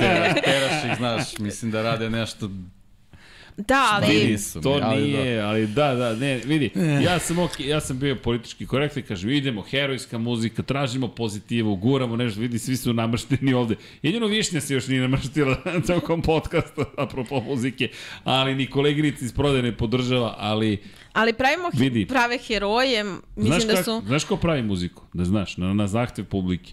Junkie Baby Naravno, to se sam spremio, videla, ali- ja sam spremio gitaru i to će da bude Judgment Night Ali zar muzika, taj fazon. oni pričaju o nekim herojima? Što, mislim, mogli su da to mnogo bolje urede. Mislim, mogli su svakome da daju neki crveni plašt ili plašt u boji njihovog kombinezona i da ispadnu tako heroji, bili bi originalnije moraju nego oni što... da. Ne moraju heroji, ništa, oni su heroji. Ali ne, njih. oni su rekli da tako ih predstavljaju kao heroje. Oni jesu heroji, baš zato Ja, naglasi zato to na ne treba drugačiji ništa način. da rade. Ne treba Nego samo- da im organizuju trke da momci ne ginu tamo. Da, to je, ali to je ono kao- priče. Ne, Sad vidi, ga- ali, ali to je razlika. Kompleksna je Formula 1. Ovo je jednostavnije. Ovo je adrenalinski udar. Evo ti staza, imaš 25 krugova, go. I to je, to je, to je Moto Grand Prix. Ono što Dorna ne svata, Dorna misli da time što će da stvori neke druge dodatne priče, će, se odjednom pojeti publika. Mogu nešto samo konstatujem. Rossi, koji je bio najveći marketingaš za Moto Grand Prix, njegove priče su bile zasatkane u trkama. Nije on u toalet otišao u 11 i 20 minuta pred kad je parada vozača, idemo u toalet da zabavim publiku. Ne. Prvo imamo spektakl na stazi, kad izgori staza, e onda ćemo pravimo haos. Pa da, ali ste videli, evo, pa, ka, što se tiče parade, vozači su baš izgledali onako oduševljeni što moraju to da rade. Mislim, ba, pogledaj Čekaj, lica. praviš paradu gde ti na staze dođe 30.000 ljudi na motociklima koji već prave paradu. Da. Pa pusti Ja ne raz- tih, ne te ljudi na stazu, eto ti je parada, da ne to se razumem, radi ne, na nego to što si stazama. rekao, kad se završi trka, ajde svi ćemo da izađemo, mi ćemo sednemo na Moto Grand Prix motocikle, vi svi na vaše motocikle i posle svake trke Ja pravimo zaista paradu. mi, mi, ne mislim da je, da je ta parada vredna toga da Moto 2 i Ma, Moto 3 Ta nemaju parada je vredna zagrevanja. toga da se ne spomenu. Ne, ne, ali ne, ne, Završit će kao MotoGP Unlimited. nisam, u, ne mislim, U, u Space Quest 3. da na li je zaista bilo vredno toga da momci iz Moto 2 i Moto 3 ne provozaju stazom? Nije bilo vredno. Jelena, to što je Deki rekao, ne oduzima im vreme na Tako je. stasi. Nije vredno. Nije Mislim, vredno. dobili ste, de, oni su dobili Nije 10 vredno. minuta i onda pravo u onim kombinezonima treba da izađu na Ne, ne, stazu i oni- da se vozi Čekaj, okolo. oni nisu vozili pre trke, ljudi, oni ne, ne osjećaju stazu, to su besmislice. To za mene su to besmislice, pogotovo sa Moto trojkom. Moto trojka, pitala sam to. Ra, izvini, radimo sve na bezbednosti, tako što ćemo vam zabraniti da se pripremite za, za trku na dan trke. Ma ne, to mi je... Ali ćemo uh, vam To je zabraniti. nezamislivo, o tome ne treba se pričati. Katastrofa. Katastrofa. Inače, te pitam, šta si radila sa BMW-om? Vratio. sa Ralfom Schumacherom? Nisam, nisam ga uhvatila. što, što nije izašao na stazu? Pusti ti to. Slušaj, e, izašla sam, u tom trenutku sam ja izašla, krenula da izađem iz pit lane-a i on je prošao pored mene. I ja sam u tom trenutku shvatila ma ko je čekaj, šta prošao. se desilo s bolidom? Pusti ti Ralfa. Ne znam šta se desilo. Uspeli, nisu uspeli da ga pokrenu. Je to Nisu. Williams BMW bio? Da. Da, okej. A, Ljudi dakle, iz Williamsa su bili tu i nešto su pokušavali, ali Raf je za džabe. Čekaj, ali to ti sad kruna cele priče. Tebi je kruna zapravo bolid Formula 1 u Moto Grand Prix-u i povrh svega što ti nije upalilo prvog vikenda, čak si ni taj bolid E, ali znaš da je, upalio. ali znaš šta je kuriozitet? Da je Ralf Schumacher objavio da je za džabe došao tako što je repostovao naš video. Eto. Ja promovisao kolekciju svoju za Nije. lice, a? Kozmetika Ralf Schumacher. Dobro, dobro izgleda Ralf sad. Moram priznati. Dutel. Dobro Pa izgleda. gde Kaži, su ti te fotografije, Jelena? A ne ovo kamenje, kakvo kamenje? Gledala sam, nisam slikala. E, ali ne, ljudi- imam taj video kako je čekaj. došao. Kako je došao i otišao u boks pored, pošto je njegov bio zatvoren. Pa je otišao okolo. U svakom slučaju, da, Ralf Schumacher je trebalo da vozi čuveni vozač Formula 1. Mislila sam da si hteo da brat me pitaš šta sam uradila sa zastavom. Sa, a to ti neću oprostiti nikada. I Pedro ti Marko. koji je proslavio pobedu, mahao svojom zastavom, bacio je. Pala mu je, pala- zato što je zakačio ogradu. Dakle, nisi ništa uradila, ti si naišla na zastavu, ne razumem, zamoliš ga za potpis i doneseš i u studio, ja, ja stvarno ne razumem, Jelena, šta, šta tu nije jasno, gde je komplikacija? A ti Dobro. pošteno vratila čoveku zastavu. Jec. Jec. Dobro, za sledeći put znam. Sledeće dve zastave koje nađem, e, donosim kući Ne, i tebi. Ajde što si mu vratila, što nam nisi kupila dok si bila tamo? Bar e, kopiju, slušajte ovako.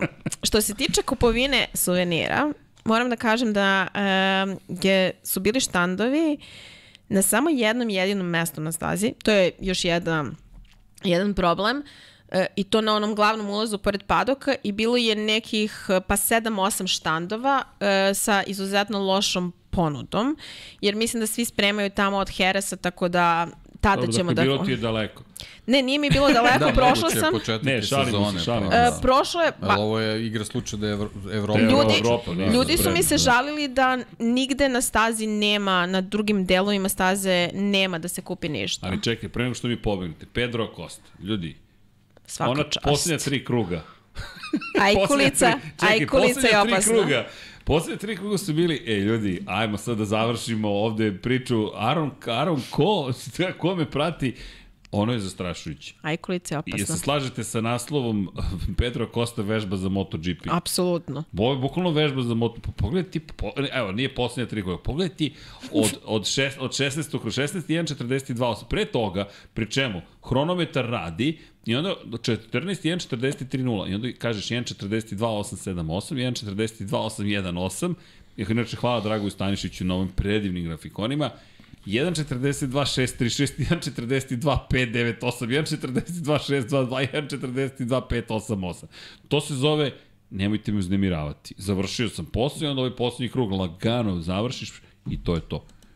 Ovaj grafikon sve govori. Aron Kane dao ljudi sve, sve što je mogao i do 18. kruga nekako se držao za plašt, što kažu posle toga, da, on je samo odustao, čovjek i rekao, man, sve u redu. Evo ti. Pa dobro, i on, ti. i on ima svoje skupe škole ranije, Ima. tako da ovo je, ovo je čak i pametan I pot. lepo je rekao, evo ti pobjeda, ja uzimam mojih 20 poena. Svaka mu čast i Kaneu za, za sjajno odveženu trku. Držao se Koste, ali Koste, ljudi, vidi se da je liga za sebe. Uh Mhm. -huh. Ovo je kup takmičenja, ti u kup takmičenju si liga za sebe, to govori i o tebi, i o ekipi, i o pripremi, i ono što je On je fascinantno... neverovatno ozbiljan, mislim, Da, za da, svoje i kako se spremio godine... Jeco. To je ono što je meni fascinantno. Fizička pripremljenost. I on je shvatio. Duan, Rosija izuzimam jer Du, on, Rosija se time nije bavio sve dok nije izgubio titulu protiv Hejdena. To je neki anomalija u celom sistemu. Marquez se od uvek fizički pripremao, Jorge Lorenzo je to naučio 2011. kad je sa pozamašnom kilažom stigao da brani titulu, pa ga je Stoner sklonio sa staze permanentno, to jest nije permanentno, vratio se 2012. Ali kada govorimo o novoj generaciji, Acosta je već sada u treningu. Jeste. I, i, i zaista iz perspektive Moto2 trke nismo baš dobili ta neka uzbuđenja koje smo nužno očekivali. Previše povređenih vozača, a i Ogura nije vozio. To je ogromna šteta iz perspektive prvenstva. Ne kažem da bi ugrozio Pedra Kostu, ali nemamo pojma šta bi učinio, a već sada zaostaje 25 pojena za Kostom. Kako stvari stoje zaostajeći 50 pojena za Kostom, ko zna kako će to sve izgledati. Izan Givara, on je tek osvojio titulu u Moto trojkama, pa u, u, treba da uči, ali nije bio tu. Da. I sad kada pogledaš kako se stvari polako slažu, Celestino Vieti dobio kaznu iz Valencije 2022.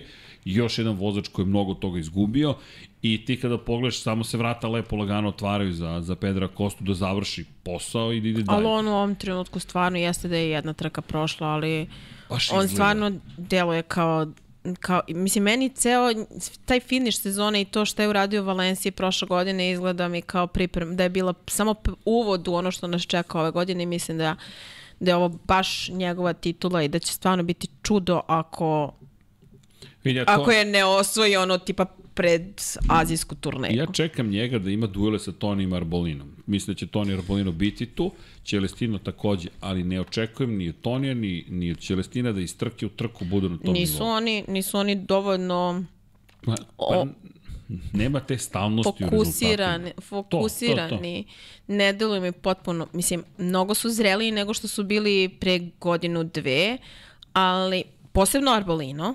Celestino me još nije potpuno ubedio s obzirom na one njegove padove prošle godine, u trenutku kada se od njega očekivalo da zada da, da se bori za titulu mnogo ozbiljnije, ali što se tiče Arbolina, mislim da može da mu bude glavni rival, ali ipak je Acosta mnogo ozbiljniji vozač od njega. Za mene se vidi razlika u klasi prosto vozača. Mislim, prosto je, Ovo je kad, ga, kad ga gledaš i kad ga slušaš, uh, pitaš se kako ima tako malo godina.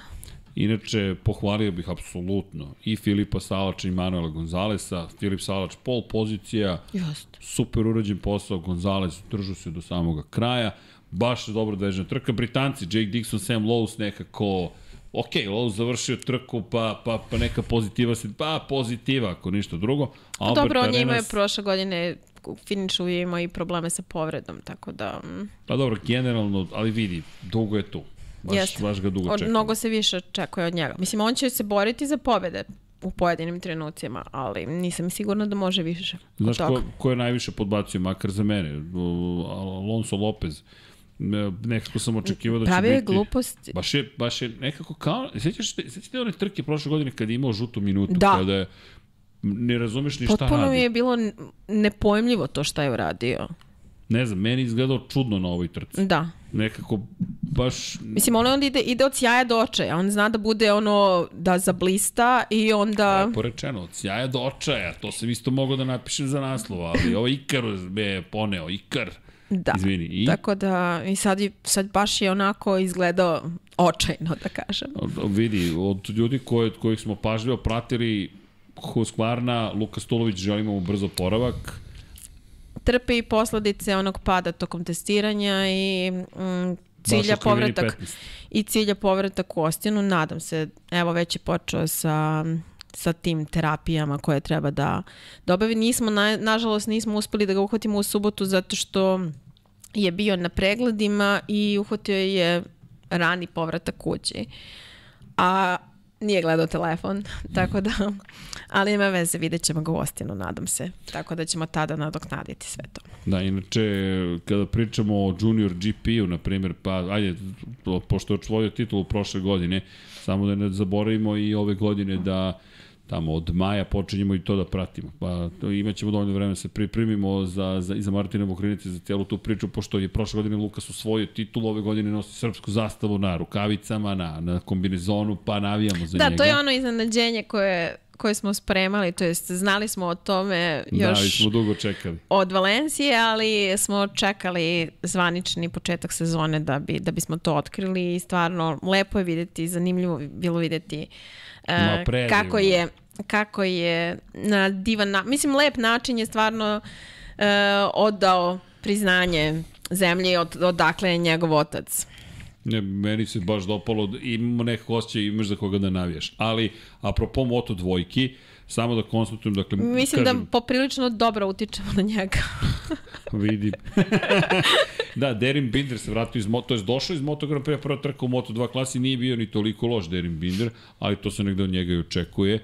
Samo prosto nezavršena trka, učenje, period učenja, rekao bih. Neki stari znanci su i dalje na začelju, nažalost Lorenzo Dalla Porta, koga toliko volimo, potpisao nam je kacigo, tako je, ali nekako Moto2 nije za njega i čini mi se da će morati sreću traži u super sportu. M, bio- Nemamo više MV Agustu, F2 postoji, ali to se sada zove Forward F2, tako da se svela priča zapravo na Bosko Skuro i na, i na Kalex.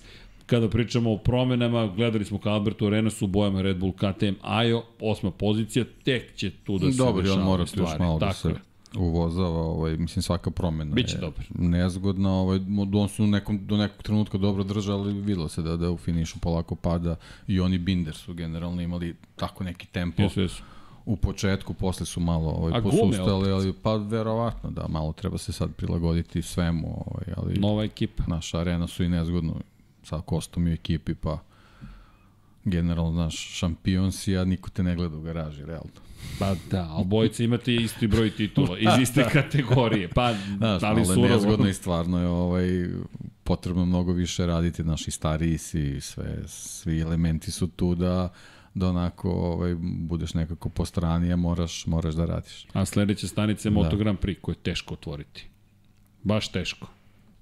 Pa dobro, da sad već iz ove perspektive arena si sa godinama, ne znam Ne vidim, da li... pa da to, li- to ne vidim kako može da Naravno, svako njih sanja o tome, ali ne, ne vidim kako to može se otvori na taj način. I ono čuveno pitanje. I, i nažalost, Ali- ali... moram se vratim, izvini. Ne znam, meni nekako ovo priča sa Arenosom i deluje na, mislim, me podsjeća na Fernandesa i na to njegovo traženje u Moto2 i konačnu titulu prošle godine. Ne znam, da, mislim, ko osvoji titulu, da, može da ne se mislim da otvori. može, ne, mislim da je titula ove godine a, Akostina, ali da sledeće godine. Vidi, to ima smisla ako može da osvoji, ali ja Sledeće mislim godine da... Da, ja mislim da je upao u period U, kada će u biti period baš... klinaca Pa da. koji su baš onako rođeni Ne za mislim za superstarove. titulu, ne To, to, mislim to. baš za titulu, ali mislim da se bori za titulu. Mislim da ove godine Vidi. je Pa teško. dobro, da, da se bori, se, ali apsolutno, imaš- možda i ove godine, mislim, što da Ko ne, zna. ali Ali vidi, prosto djeluje trka, da znaš, će biti nije- teško. Da, da. I, ali me dovodi Koliko do godina bitne on stvari. ima tačno A, sad? sad ću ti reći, ali Pa ono što... on je, on je osvojio titulu na izlazu 2020. sa godištima, koliko to je 26 20, godina Da, da, da. Ove godine puni 27. A što je već Što je, on je stariji od Fernandez. Tako, baš da, to je baš priča. i problematično. mnogo kažu. stariji od Akoste i Gevari. Jeste. Da. Ali Acosta, ljudi, pričali smo o tome i pre nego što i pre ove trke. I sad da te pitam za Pola Espargara. Pol, znamo kakav je borben. Međutim, da li je ovo moment sličan Jorge Lorenzo posle ovako teških povreda? Da li kažeš imam 31 godinu titulu u Moto2 kategoriji, da li mi ovo treba ili nastavljam dalje? Pa ja mislim da on ima neke nerazrešene stvari u MotoGP-u i mislim da će se on vratiti. Samo što mislim da će poprilično čekati trenutak za povratak. Znaš, da, zato što- da neće žuriti posle ovoga što se desilo, jer previše je m, poslednjih zbog Acoste. Jer vidi, Pa. Acosta ima ugovor da dođe u Moto Grand Prix sledeće godine. Akosta dolazi Da. umesto Bindera ili Millera, nema nikakve Da. veze s Polom Espargarom. Nema, mislim da... Dakle, nema u gas, Ne, ne. gas odlaska. Ne, ne, ne, to, to. apsolutno Ne, ne, ne, on će, ne. on će u KTM. Samo će biti, znači, Samo što ja re- mislim da recept- će umesto Bindera. Pa dobro, ali, ali recept iz Aja, njemu će trebati učitelj. Ovo, Da. ovo, ovo uloga koju Binder ima u KTM-u mi govori da je on u stvari učitelj. Možda će Pol da mu bude učitelj. Dakle, Jack Ne, ne, Miller i ne, Paul ne, Espargaro ne. u gas gasu. Uf, uf, uf. Vidi. Jack, Miller na ranču roštilji pio. To će, To to, bi može. bilo zanimljivo. To to može. bi Beba baš, i Beba. I da. i I bebe. To bi baš bilo da. zanimljivo, da. Da, da, njemu je. Australijanci su Australijanci čudni, nemoj da, ti da, da, da. te, te neke naše filozofije da primenjuješ na On njima, će na to, to pecanje se sa ne važi. Caseyjem. Casey. Neće on još, Grize. neće. Previše mu se sviđa ovaj koncept sa dve trke tokom vikenda, tako da neće, on, on neće skoro da se Vidi, ako mu kažu nema više ove zabave, nema više ove plate, ili ide u Superbike da uzme neke pare, Ne, ne. ili će kući u Australiju svoju i to je to. Ja predviđam titulu Jacku Milleru sledeće godine, tako da ja ne Titul sledeće odustajem godine u Moto Grand Prix. u kat, na KTM-u. O, Ja sam to rekla onog trenutka kad je potpisao, tako da Ne, ne, ali sad imamo zabeleženo za Reel. Dakle, ovo puštamo u Reel. Prošle Prošle godine sam pogodila. Vidi, ako pogodiš, jeco, dakle, ne znam, ono, taj Reel imaće, ne znam, posebno mesto, da ču, stavit ćemo ga trajno nekako da se vrti u pokazat ćemo Jacku Milleru i on će biti... Čekaj, ili on ti duguje večeru ako osvoji titulu ili... Ne. to Rins samo. Ne, ne, s njim idemo da partijamo kad osvoji večer. A, okej, vidi, danas da ćete nas Kad osvoji, pozvati. kad osvoji titulu na večeru. Pa naravno, Bože srđane, vodim te svuda. Pff, molim te. Pro- Znaš ko je mada- vozio prošle godine? Jedini čovjek koji ne pije. ja te, pa da. Ali, srđane, moram da kažem, ipak um, vidjet ćemo, meni je ekstremno žao što uh, ćeš propustiti, u, nadam se ko prvi prvo da, da će dobiti vizu i da će sve biti ok s Ostinom i da uh, mi je žao, neću da otkrivam šta, ali možemo da, ali realno ja ću tad, tamo biti uh, Vidi, mogu ja da u svratim... danu nekom pod, nekog Pa podcasta. mogu ja da svratim uh, tamo. Pa možeš. Pa što da ne, eto. Imamo poziv. Eto ti ideja. Dakle, samo svratim na, na taj dan. Leti u Houston. U Ti Houston nemaju Austin. doletim, odradimo šta treba da se odradi Može. i to. Može. Može. You heard it here. Da. Ozbiljno? Imamo poziv. Šta, šta nas briga? Idemo, tamo pravimo podcast. Što ti kažem? Usred noći. Ok, Verujte mi, svako- vredeće. Ok, samo mi javi datum da nabavim karte i snimam. Vredeće. Ok. To da, to što ti planiraš, to apsolutno. Ok, uh, ajmo Moto trojke da, da, da, da prođemo ljudi, pošto mislim da je već 7 sahata, što kažu. Utakmica je već počela. Već počela. Ali nema veze, otići će Jelena na polovreme. To ti kažem. Uh, Mislim, blizu smo. ima i deki neke obaveze, pa, pa, pa, pa moramo da ubrzamo, ali vidi, Ne igra Liverpool. deki, vidi, Nisu, nisu ovaj, privatno. Reputa, ne, ne, ne, ne, reputacija. Ne, nego prošli put je bilo pitanje da li propuštaš zbog Liverpoola. Non stop propuštam. Ali, ovaj, što Liverpool, što podcast, To zavisi kako kad zavisi šta pogleda. propuštam. O, pa, o. istorija. Mislim, Jao. Olgado je, Olgado je doneo prvu pobedu u Moto3 Tek 3 ekipi Jest. i baš je vozio fantastično i mislim da je Apropo, mo, izvini, multitalentovanih klinaca. Apsolutno, znači fantastičan je i deluje mi kao da će biti baš zvezda za nekoliko godina, za jedno 3-4 godine u kraljevskoj klasi sigurno. Stvarno vidiš Olgada tako daleko? Da, Meni Olgado nije ubedio kao što su me ubedili Guevara, na primjer, i Acosta. nije možda još, ali on je šmeker, on ima to nešto. On mene podsjeća na Markesa iz tog nekog ranog perioda. Ne mogu da se sad setim na koga me još podsjeća iz tih nižih kategorija i mislim da ima to. E, malo me gledala sam ga na podijumu i ona scena gde on uzima flašu i pokušava da je otvori. Ja razmišljam, šta radiš, dečko? Šta radiš? I vidim da su ovima, mislim, potpuno sam zaboravila da on nema još 18, ali on je pokušao da otvori šampanjac. Ono pokušao je. Ali vidi, vidi. vidi. I ja ga pitam, Da? i pitala sam ga, ovaj, delovalo si raz, ovaj, razočarano što ne možeš još šampanjac, ali još mesec dana. I on kao, još mesec dana. Pff, može. Tako da... Ok, dakle, ovo je na, na emociju zapravo Danilo Olgado. Ja sam skeptičan, odlično odvezo, super je vozač, bio je šampion sveta u judinskoj konkurenciji. Morate priznati, inače čestitke i njemu, Davidu Munjuzu na drugoj poziciji. Prvo pobedničko postoji u karijeri Dioga Moreire, bravo, iza njega i za Brazil rekao, teška prošla godina, a Novajle je bio, uopšte nije bio loš, ali evo ga na pobedničkom postolju. Tako da i, i, i Munjuz negde očekivano, moram priznati, kako god da je izgledala trka u jednom momentu, Munjuz je mnogo brz, ali ja moram da kažem, Jose Antonio Rueda je meni taj. Ne Olgado koliko Rueda, Rueda mi deluje kao, kao ta genera, kao taj, taj profil, Acosta, Guevara, Marquez, Rossi, Pa birajte. znaš kako, kapten Tako Majo generalno ne greši u tim nekim izborima, tako da treba ih pratiti. Osim, osim kod jednog brata Ondžua. A dobro, Džan nije bio još dorastao, vidiš, i Denis Da, ali- mora ali da uči više. Znaš kako, to je drugačije, to su klinci koji su se od malih nogu borili i onda uđeš u sistem. Njima je teško bilo da se priknu na sistem po onome što sam Pa ja ne mogu znaš da kako ti vrediš, ali trebaš da imaš još tu sposobnost da se Da. Uklopiš. ukalupiš. Tako je. Ali priču. mislim da je, na primjer, da je Deniz u ovom trenutku na pravom mestu i da ove sezone, ja mislim da je stvarno pitanje vremena pre nego što će on doći do te Pa prve vidi, pobede. opet sa Denizom Ondžom malo nismo dobili jednu od najluđih završnica u, posle duže vremena, što da Kostine pobede u Dohi pre dve godine, ali vidi, on je bio poslednji iz pit lane krenuo i u malo nije sustigao, sustigao je vodeću grupu, nedostajalo da. Mu dva kruga da se bori za pobedu. Stvarno Da. je odvezao neverovatno. Deniz Ondžu, kad to pogledaš vremena, šta je on dečko odvezao? Ali zato, zato mislim da, mislim, imali bismo još zanimljiviju trku da se, da se nije desilo to što se desilo njemu na startu. Ali uvek se nešto desi. Pa dobro, da, Da. uvek se desi. Se desi. To je Ali mislim da je na pravom mestu baš zbog toga.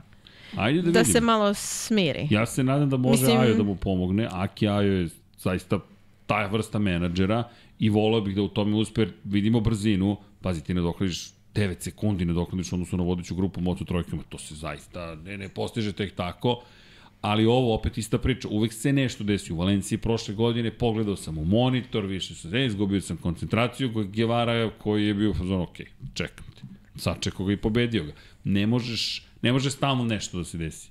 A to, to je problem. Ali se slažem s tobom, ajmo da vidimo da li će Aki Ajo da bude taj ključni čovek Mislim da ne možemo na osnovu ove trke kad pomeri. se desilo to na startu da, da razmišljamo. Slažem. Mislim da, Kraj sezone da uzimamo to. Ma, ne čak ni možda ni kraj sezone, ali nekoliko trka da prođe da vidimo kakav će biti odnos snaga u Moto3 kategoriji, jer tu bukvalno može svašta da se desi. Pazi, ovo je otvoreno. Meni je ovo otvoreno za sada. Uh, Đaume Masija, peta pozicija, Jumu Sasaki šest. Tatsuki, eto, vaš... Gledaš ka, Tatsuk, ka Tatsukiju, ja Tatsukija baš ne vidim kao šampiona. Meni su Sasaki i Masija, moram ti priznati, oni od koji bih Da, očekivao od Sasaki- veterana. Sasaki je, e, brat Japanac, mnogo priča. Mislim, ja, ja uvek volim s njim da pričam, pošto on se raspriča, on meni izanalizira sve Vidi, živo. Sasaki i mnogo ozbiljan vozač i brzi Da. vozač i sve to lepo, nego nego ono što je opet sa Masijom i sa njim, moje mišljenje, problem ne znam da li se slažeš, pogotovo kad je Masija u pitanju, dugo su već u kategoriji, ti sada više nemaš luksus taj da ne uradiš nešto ove sezone. I kad kažem nešto, ok, možda ne osvojiš titulu, ali ako ti do poslednje trke nisi u borbi za tu titulu, ako ti nisi cele godine na pobedničkom Pa postoju, borba to za ti je pobede, ono, to ti priča Fođina. To, bukvalno Denis To je to. to. je to. Da. Ne, da, inače Ali- je bio pristojan, nije osvojio pojer, ali je bio pristojan. Ali Moto2. Masija se sad vratio u Leopard, ovo je kao neki popravni kao neka druga šansa, ipak je Leopard ekipa koja zna da, koja gaji šampione. Mislim da je ovo savršen način, mislim, i njegova poslednja prilika da se nekako pokaže. Zato što ako se ne pokaže sada ove godine, meni je teško da poverujem da za njega ima mesta i u Moto2. Pa vidi, u Moto2 će se još i naći. Ima tu dosta ekipa koja traži neko novo rešenje. Ali Masi, Masi je šampionski kalibar trebalo da bude. O njemu pričamo ko, koju deki godinu. Treću, četvrtu godinu za redom pričamo o tome da Masija Pa Pa od pričamo i onih duže. pobjeda u Aragonu. od pobjeda u Aragonu. I je- to je Pa sa. Leopardom. To je bilo, da. To je da. bilo 2019. 20. 20. 20. 19. smo pričali talent, talent. Da, on Da. je tada... Evo, 20. Leopard je u- 20. eto, na da. tim nekim trkama eksplodirao i tu je stao. Mislim, zahvaljujući tim trkama je dobio šansu u KTM. Jeste. I dobio dve sezone u KTM-u. Ali dobro, ajde, kao ovo Costa. možda, možda bude neko rasterećenje sad za njega, malo malo opuštenija atmosfera, pa eto, možda, možda nešto uredi. Mislim, ima, ima dobar motocikl, nema, nema šta. Leopardi su među najbržima na, na gridu. Ajde, Argentina, A to su onako, jedine Honde Austin, koje su Austin, recimo, u Austinu mora da bude na podijelu. Da.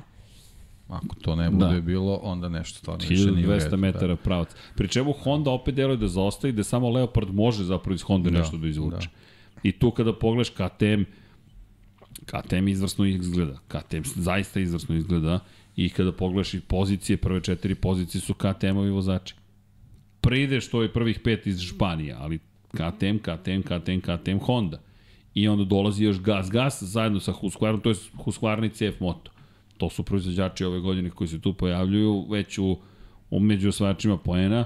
Kada pričamo o Gas Gasu, ok, čekamo da vidimo šta će se tu, de, mislim da će tu biti mnogo bolje svakako za, za, za Jorge Martineza Spara, ali ok, ajde da, ajde da sačekamo, što kažete, par trka, ono što je meni tu sada iznenađenje, moram priznati, jer USA je Manako nisam očekivao gas gasu, pa ajde da vidimo taj eksperiment. I David Alonso koji je stigao, ok, kolumbijac izletao sa staze, ali na kraju nije povređen, to je najvažnije.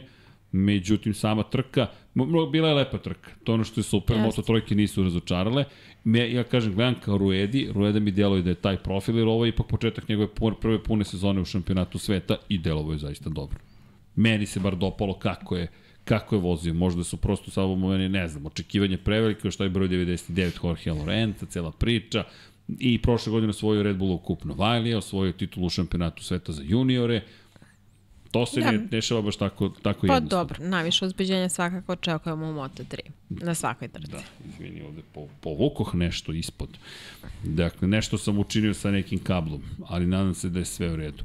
E, U svakom slučaju, ljudi, počela je sezona, pokušavam da, da, da nekako ipak vam pomognem da, da postignete sve ono što imate još na planu večeras. E, Prvo, hvala vam, dakle, oboma. Hvala tebi. Ne, ne, hvala vam, zaista zadovoljstvo i malo i drugačije je bilo danas. Imali smo baš o čemu da pričamo što se tiče tema, pogotovo kada je reč o kompleksnosti zvanoj Moto Grand Prix u ovom momentu, pa i incidentima i situacijama i kaznama i ko zna šta nas još čeka, ne znam, orgi. Pazi, danas je sreda. Oni su već sutra na, na, na konferencijama za medije. U petak kreće akcija, pri čemu ko želi da prati, Huh, pripremite se za raspored. Dakle, ko voli i Formula 1 i Moto Grand Prix, nemate spavanja, bukvalno ovog vikenda nema spavanja, to traje celu noć. Dakle, i da, u, na južnoj polulopti se pomera sat ovog vikenda, tako da imamo i to pomeranje, bit će uzbudljivo. Inače, što se tiče naših vremena, dakle, ce-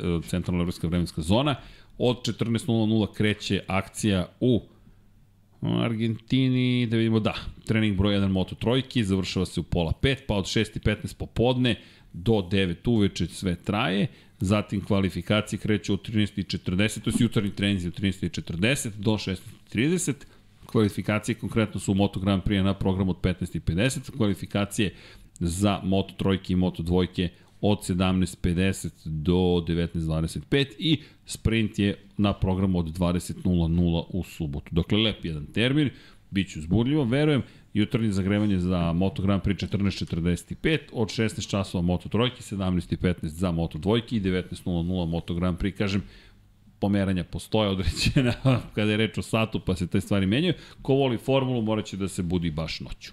Dakle, od 1 ujutro ma- manje više se kreće i Formula 3, Formula 2, Formula 1, svi su otišli u Australiju, nikad ranije nismo imali sve to zajedno u Australiji, pa eto da vidimo eksperiment kako će, tako, kako će da protekne, popunjen u svakom slučaju trkački vikend.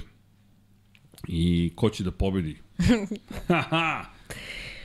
Pa ne znam. Gde, zašto pitaš? Čekaj, poslo mi je, e, e, imam pitanje, pazi sad ovo.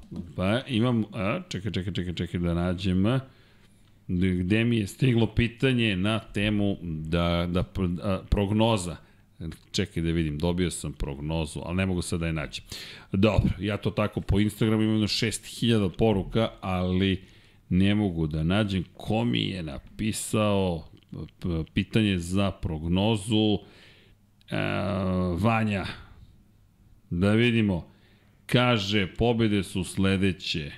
Munjoz pobeđuje, Aldeger pobeđuje, Rins pobeđuje u Moto Grand Prix. Ok. Uf. I Aleš Espargaro u sprintu. Ajme. Pa ja bih tipovala za pobedu u GP-u na Vinjalesa. U sprintu, uh, pa recimo, Zarko. Hm. Za Moto2 Acosta. I Moto3 Moreira. Dobro, dobro. Diogo je meni bio tip za prvu trku. Deki, ti imaš neku... Sasaki, Acosta,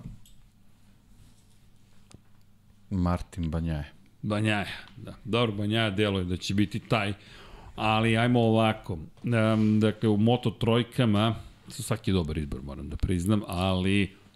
Da ići učiniš ću- zanimljivo. Da, da, da, ići ću, ne, iako mislim da Rueda neće još pobediti, ajmo na Ruedu, čisto da bude zabavno, u Moto dvojkama Acosta tu neću ni da, ni da razmišljam, i mada Vijeti, čuvajte se Vijeti ovoga vikenda, i Moto Grand Prix-u Beceki još nije spreman, mislim, za... Po... Ne, ići ću. Beceki u glavnoj trci, uspeće da pobedi Banjaju, to je nemoguća misija, a u sprintu, evo smeju mi se ovde, otvoreno, a u sprintu, jao, ko će da pobedi? Jack Miller pobeđu u sprintu. Eto ga, rešeno. A formula? U, a u for... Kako, U čekaj da formuli vidim kako je vremenska prognoza. Sergio Perez pobeđuje, preuzima vođstvo u šampionatu sveta i počinje kompletan haos. Šta sada? I Hamilton. I Hamilton ide u Ferrari zajedno sa Adrianom Neweyem. Uf, uf, uf. Neki skinu slušalice, gasi, motaj kablove, ovo je Ajmo. kraj, kaže ističem ugovor. ne, ne, ja zbiljan sam, a? Pa ne znam baš. Nisi bio tu poslednjih par nedelja, Leclerc. otrglo se stvari, su se otrgle kontroli. Leclerc je moj tip. Uh, Leclerc, do, o, okej, okay, posle Grand Slema prošle godine, deki, Hoćemo na spektakl. ajmo na spektakl. George Russell. Džopa! George Russell, Down Under, može. Kaže, Dobro, a ti si rekao Perez, dobro. kaže Boško Srki upravo bacio kletvu na Beca. Ne, Red Bullovi neću uopšte da prognoziram. To. Ne, ne, on je rekao za. Pereza. Da, Dobro. da, znam, pa zato, znam, da. nisam ni ja Pa zato htela. Malo, vidi, malo da se zakuva nešto, da bude onako... Baš će da se zakuva. Dobro. A, ljudi, pošto naši e, dragi Jelena i Dejan... Kako? Fantasy. Jo, fantazi. Jeste, igrali Ali fantazi. bez nas. Bez vas. Igrali smo, ali Marquez me upropastio. Ja, čekaj da vidim ja šta sam uradila. E, ja sam, evo sad ću reći samo u ligi. Ja sam u ligi, deki. Jo, ja se nisam učlanjala u našu Zvanična ligu. liga, rank mi je 349. sam. Eto. Ja sam bio posle sprinta 19. Posle trke sam bio 228. zahvaljujući Marko Marquezu. Joan Mir makar ovde vodi. Da, znaš, imamo da. Člana koji se zove Joan Mir, izabrao je Banjaju, Vinjales, Aleksa Markeza i Franka Morbidelli. Čak je i Franko doneo poene, a u ekipama izabrao Ducati U. i Muniver 46. Ja moram da napravim trade, pošto mi je polo ekipi. Dobro, polako. Moram Ali odmah. su potrebili bonuse u prvom vikendu. Aha, kako ćemo da vas pobedimo. Koliko imaš ti bodova? Koliko imam bodova? Imam 123,5. Imaš više od mene. Ja imam 111,75. Nisam se proslavio odmah ti. Kažem, Pa ali nisam dobro. ni ja, iako imam banjaju. Vidi, evo ja ću ti reći moj tim. Ba- Bastianini, Hvala. Beceki, Alex Marquez, Augusto Fernandez. Fernandez mi uopšte nije bio loš, nego Beštije mi je bio tip, a konstruktor je Aprilia i Ducati. Tu sam... Moj tim je bio Banjaja, Oliveira, Alex Marquez, Morbidelli, Ducati i RNF. E, Ja imam I Banjaju, I to je to. treća krivina. Treća krivina je učinila Banjaju, to. Marinija, Mira, Da, da. Pola, Ducati i Gresini. Okej, nisi ti loše prošla, ja mislim. Pa ali imam manje bodova od tebe. Pa dobro, vidi, ima sam ovde neke dobre momente. Samo moram Teki, da tradujem Pola. Krećemo. Želim ti lep Hvala. ostatak večeri. Jeco, želim tebi lep ostatak Hvala. večeri. Višnja, ja imam još ovde neke obaveze prema našim patreonima, članovima, youtuberima i svima ostalima. Dame i gospodo, bilo je zadovoljstvo provesti vreme sa vama. Želim vam Takođe. lep ostatak večeri. A mi se, ko zna kad se vidimo, družimo se svakog sutra, sutra imamo F1 Technical, vjerojatno ćemo morati malo da pomerimo vreme, ali YouTube je to, tako da sve može. Zašto? Pa Paja ima specijalnog gosta za pod kapicom, pa mora da snima u periodu kad smo planirali, ali to mi je Marfiv zakon. U svakom slučaju, nadam se da ste uživali, mi smo se silno zabavili i pripremite pitanje za sledeći put, s obzirom na činjenicu da ćemo se potruditi da odgovorimo na Aha, evo ga Viktor Šumanovski. Srki, kako, što, kao što sam juče obećao, našao sam broj Rista Vukova i poslao sam na e-mail. Pa to, Viktore! Deki, jel znate da, da imamo momka iz Makedonije koji vozi u Porsche Superkupu? A, Porsche Superkup. Evo, Viktor Šumanovski sve završava. Dakle, da Risto Vukov, zovemo ga, poslali ste broj, ja se javljam. Kaže Srki, kada si odustao od Jetsa u NFL, oni su pobedili. Pre predsezijskim testiranjima si odustao od KTM, oni bili više... Kad sam odustao od Jetsa? Nisam nikad odustao od Jetsa, molim vas. Hoće li iko zameniti Bešti, Markeza i Pola? Ne. To smo pričali na početku, niko ih ne menja za trku u Argentini, ali će verovatno biti zamene za trke u Ostinu, u Teksasu. A, kažu, neću da spavam valjda u pola osam uveče. Izvinite, kažem, malo smo pomerili, či, či, stiže nam gospodin Mile Ilić, ustupili smo, čovjek je gospodin jedan pre svega, a i legenda, i ko ne prati, pogledajte Jao Mile, pogledajte Luka Kuzma podcast, s obzirom na činjenicu, koliko volite naravno dobre priče i košarku svakako, a kada govorimo o Kada govorimo o, o Lab 76, pa eto, bit ćemo ljudi sledeće nedelje u punoj, u punoj pari, s obzirom na činjenicu da imamo dvostruki trkački vikend. Nisam stigao, jao, pa znate šta sam ostao dužan? Ha. Jao, koleginice, sad treba, čekajte, čekajte, nisam još namestio, sad ćemo da namestimo. Ostao sam vam dužan, e, da im da li se, e, šta sam ostao dužan? E, dakle, Ostao sam vam dužan da odvezem ono što me deki terao da vežbam tokom zime. A, a nije crn ekran, čekajte da nam se upali Sony. I sad će, sad će on to, nemojte ništa da brinete. Sa- Sad ćemo mi to da sredimo. Ono što samo treba da uradite je, deki, doviđenja. A, a sad nemamo nikoga. Vešnja, Vešnja, koliko si stidljiva? Jako si stidljiva, ok, ne mogu da te nagovorim. A ne, ne, morate da ubacite samo jedan kabel u keca tamo. Ra radi Sony. I kada ubacite u keca, ja ću nestati na kratko. Kako? A, crni taj, taj što, ne, ne taj, ne taj, nego taj što, što dolazi od monitora. E, taj ide u keca. Tako, e sad odvezemo tr t- krug u Argentini. Nadajmo se da će biti dovoljno dobar za ovo. U, ja nisam na kecu, super. E, Sad izaberite keca, audio, follow, video. Jao, dame i gospodo, ali nećemo F1 da vozimo, nego ćemo da vozimo, kako danas doliko je Moto Grand Prix. Da, disk. Čekajte. To bi moglo da nam zatreba da ubacimo disk, da izvadimo Formulu 1. Sekund mi dajte, molim vas. Idemo da vozimo Moto Grand Prix.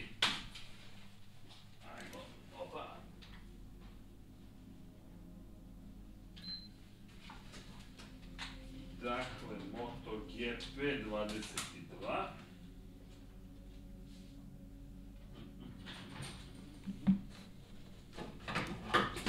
Ups. Sve živo. Dobro. Disk da uskoči unutra, pa da vozimo. Ajmo da vidimo kakav ću biti u Argentini. E, samo stavite audio follow video i mora Black Magic da se upali e, zvuk. A, čuje se. Pa vi ste genijalni, potpuno. Hvala vam. Dakle, nadam se da ste se spremili. Ajmo, koga biram sada? Dakle, koga želite, kažu Višnja, preuzmi sada. da, da, da, doveo sam stručnjaka za vožnju. Kaže, Moto3 vozi, ne Moto Grand Prix. Dobro, kako smo se dogovorili prošle godine, samo da se pokrene, molim vas, Moto trojke. Koga biramo za Moto trojke? Hoćete nekoga, sad će koleginica prode da uskoči umesto Srke, sakreće svoj identitet kao stig u Top Gearu. Nema, nema tog uskakanja. Zna se ko vozi. Nemoj beh, neću da biram nikoga, ništa ne brinite. Sad ćemo da uzmemo samog sebe ću da izaberem. Mislim da mi je ovde, a ne, to mi je sačuvan na drugom mestu. Dobro. Ajmo da preskočimo uvodnu sekvencu. Ne možemo da preskočimo uvodnu sekvencu. Dobro, ajmo ovako. Trening. A ne, to je MotoGP. Quick modes. Time trial. E, sada. Da izaberemo vozača. Moto3. Ili hoćete Red Bullov kup Novajlija. To vam kažem, Red Bullov kup Novajlija. Uh, Jose Antonio Rueda. Nećemo, pošto se ćete se svi uplašiti. Da vidimo Official Riders Factory Team. Evo, Milestone. Pošto je Milestone zapravo kompanija koja je napravila. Koju ćemo stazu? Zna se koju ćemo stazu da vozimo. Idemo u Argentinu. Evo, ja sam dobar danas. Nikog nisam dirao od zvaničnih vozača. Riding aids, sve mi dajte. Auto brakes, off, assisted front brake. Ma kakav, disabled. Dobro.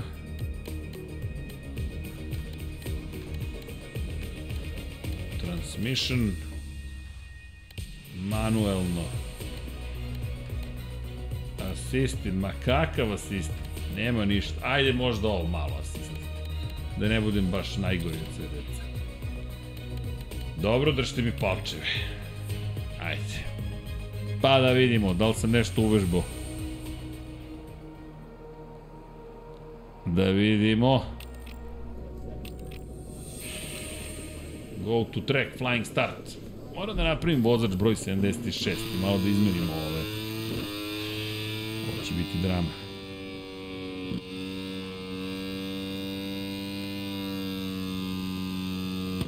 Još uvijek je autopilot kao što možete da vidite. E, sad sam ja preuzeo. U, čekajte da pohvatam. E, dobro, dobro, ah, dobro. Nisam toliko loš kao što izgleda trenutno. Znam da pohvatam brzine. Aha,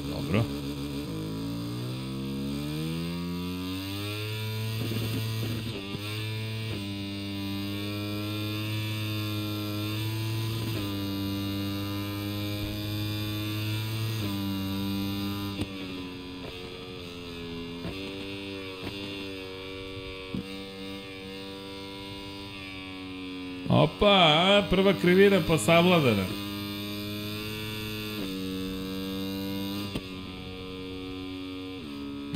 Ne, ne, ne, ne, ne, ne, ne, dobro, dobro, dobro, dobro, dobro. Dobro, dobro, malo, malo me ponelo.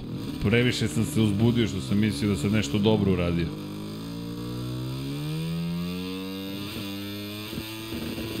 Ajmo, sad zalet.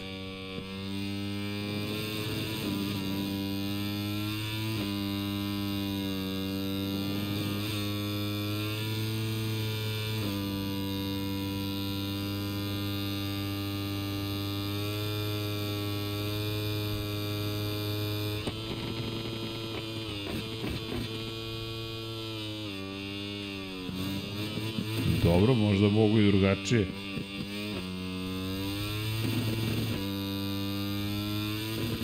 Prećerak sa kočenjem. Dobro.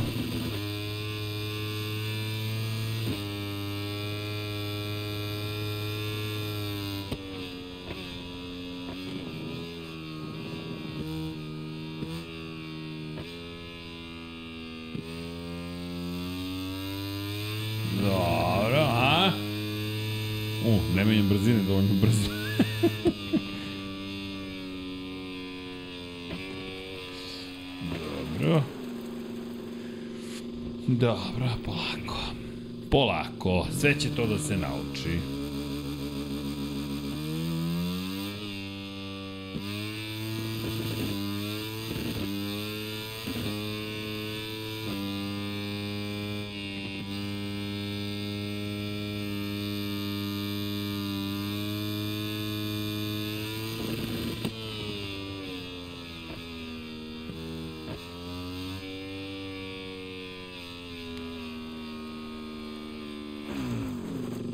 If. Višnja pokušava da mi se ne smeje. Nije strašno. Kako ume da bude, sad je i dobro. A?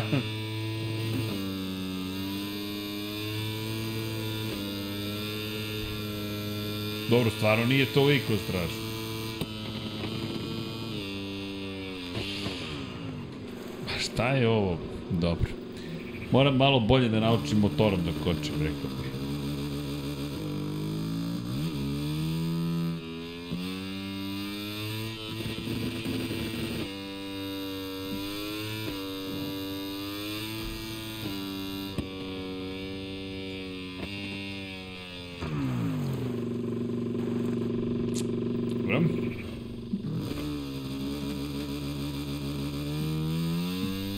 Sam nešto pokušao da vežbam preko zime.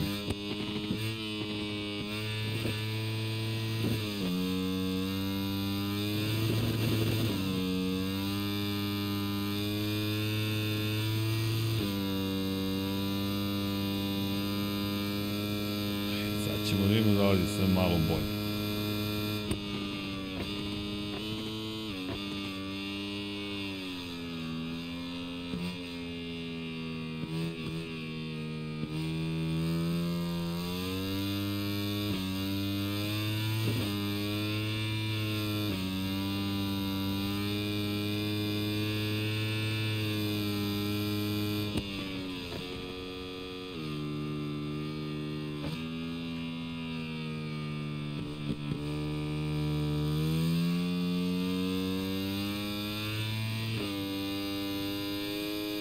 Gde je sada Matija Zorić, a?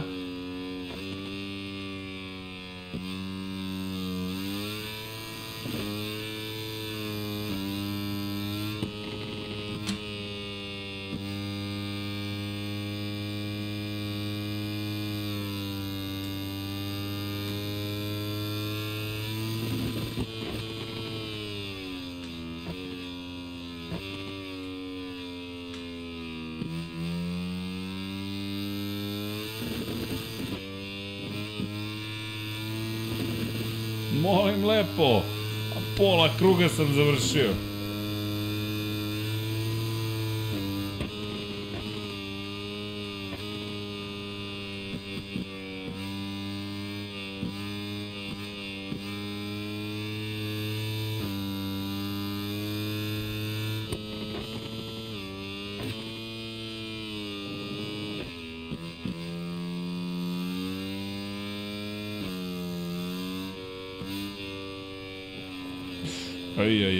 Aj, aj, aj.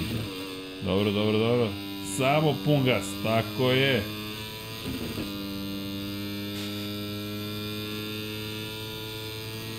Izvinite za tišinu, ali ovo je puna koncentracija, ne bi li ja uspeo da završim ovaj krug.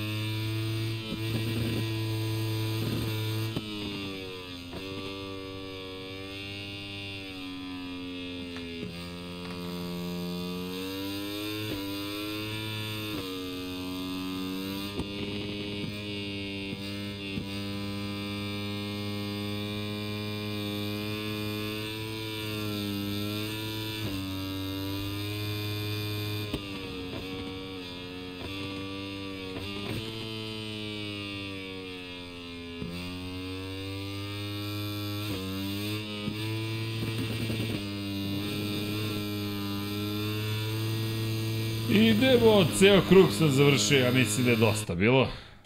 Huh, za danas. To višnja, aplauz, opa, idemo. Molim vas, ajmo, ajmo, ajmo. Idemo, gde su lajkovi? Molim vas, gde su lajkovi? A, ovde je neka diskusija, a, dobro, ma, o, srđane ne koči motorom, koči oplatom. to je srđan ne koči motorom, koči oplatom. Ja se izvinjam, ali ja sam završio krug, tako da... Uhu, je deki da me vidi, bio bi ponosan. Kaže krug, jedan ispod dva minuta. Pa stalno nešto pomerate zahteve. Pa nema smisla ljudi, jesam sada odvezao, tako da znate. Bravo Višnja, lepo voziš. E, ok, idemo napredak, tako se to kreće. Kreneš sa Red Bullom kupom Novajlija, pa onda Moto trojke, pa Moto dvojke, pa Moto Grand Prix, sve se tu desi. U svakom slučaju, uh, da, Luka Đurović kaže, pozdrav Srke, mi mogu da ponoviš onaj deo za Andreju Janone i petu, šestu brzinu kod ubrzanja skrojenosti brzo sa teme, to jest nisi završio do kraja. A, pa pojenta u sledećem, još je Andreja Doviciozo pričao o tome i Andreja uh, Janone je još pričao, pa i Doviciozo je to pričao, koliko je Ducati zapravo peti, šesti stepen, gledajte tokom prenosa. E, čak su u četvrtom stepenu prenosa imali ogromnu prednost pre prethodnih godina.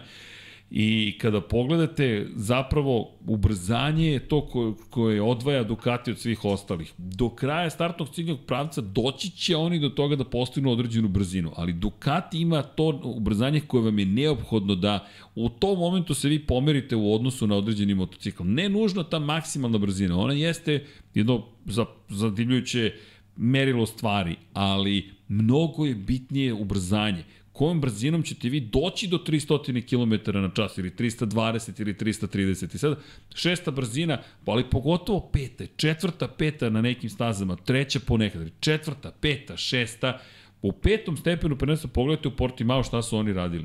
Oni samo oko preteknu i sad posle toga se stvari nivelišu, ali Ducati je već toliko ispred da niko ne može da ih sustigne.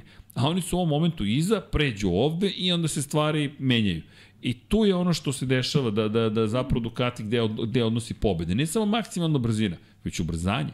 I kako su, naravno, elektroniku isprogramirali, oplata i kada govorimo o ajde da kažem, kada kažemo oplata, ne oplata, aerodinamika, elektronika, snaga tog motora, to je sve nešto što je dovedeno do savršenstva, ali bez aerodinamike, ukinite sada aerodinamiku Ducatiju, imate potpuno drugačiji motocikl. A kada je reč o motoru, taj motor vam to dozvoljava i to je dozvoljava još dok je Janone vozio. E, u svakom slučaju, ljudi, nadam se da ste uživali.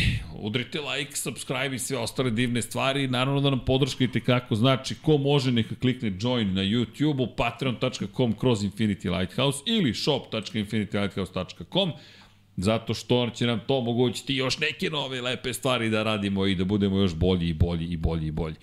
Uh, Srk, imam pitanje da li će ta aerodinamika funkcionisati na svakoj stazi. Ne. I to je ono što je sada drugačije. Portimao, konkretno, Argentina, to su drugačije staze. E, staze koje opterećuju dosta i zadnju gumu. Vodite računa i koja guma je ta koja se zapravo više koristi.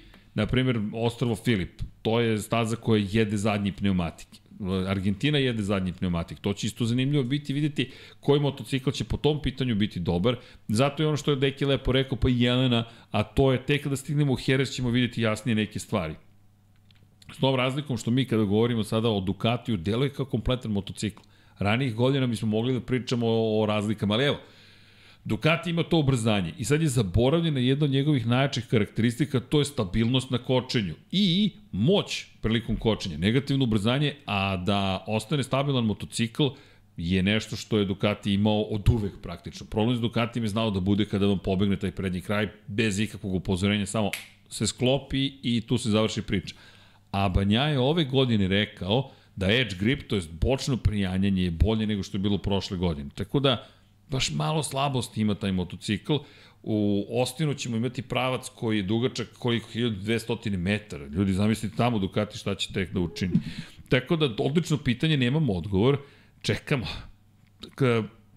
Čekamo prosto. To, to je ono. I zato kažem, i apropo ove priče o petom, šestom stepenu prenosa, želim telemetriju kao u Formuli 1. Želim da vidim razlike u brzinama na određenim tačkama na samoj, na samoj stazi.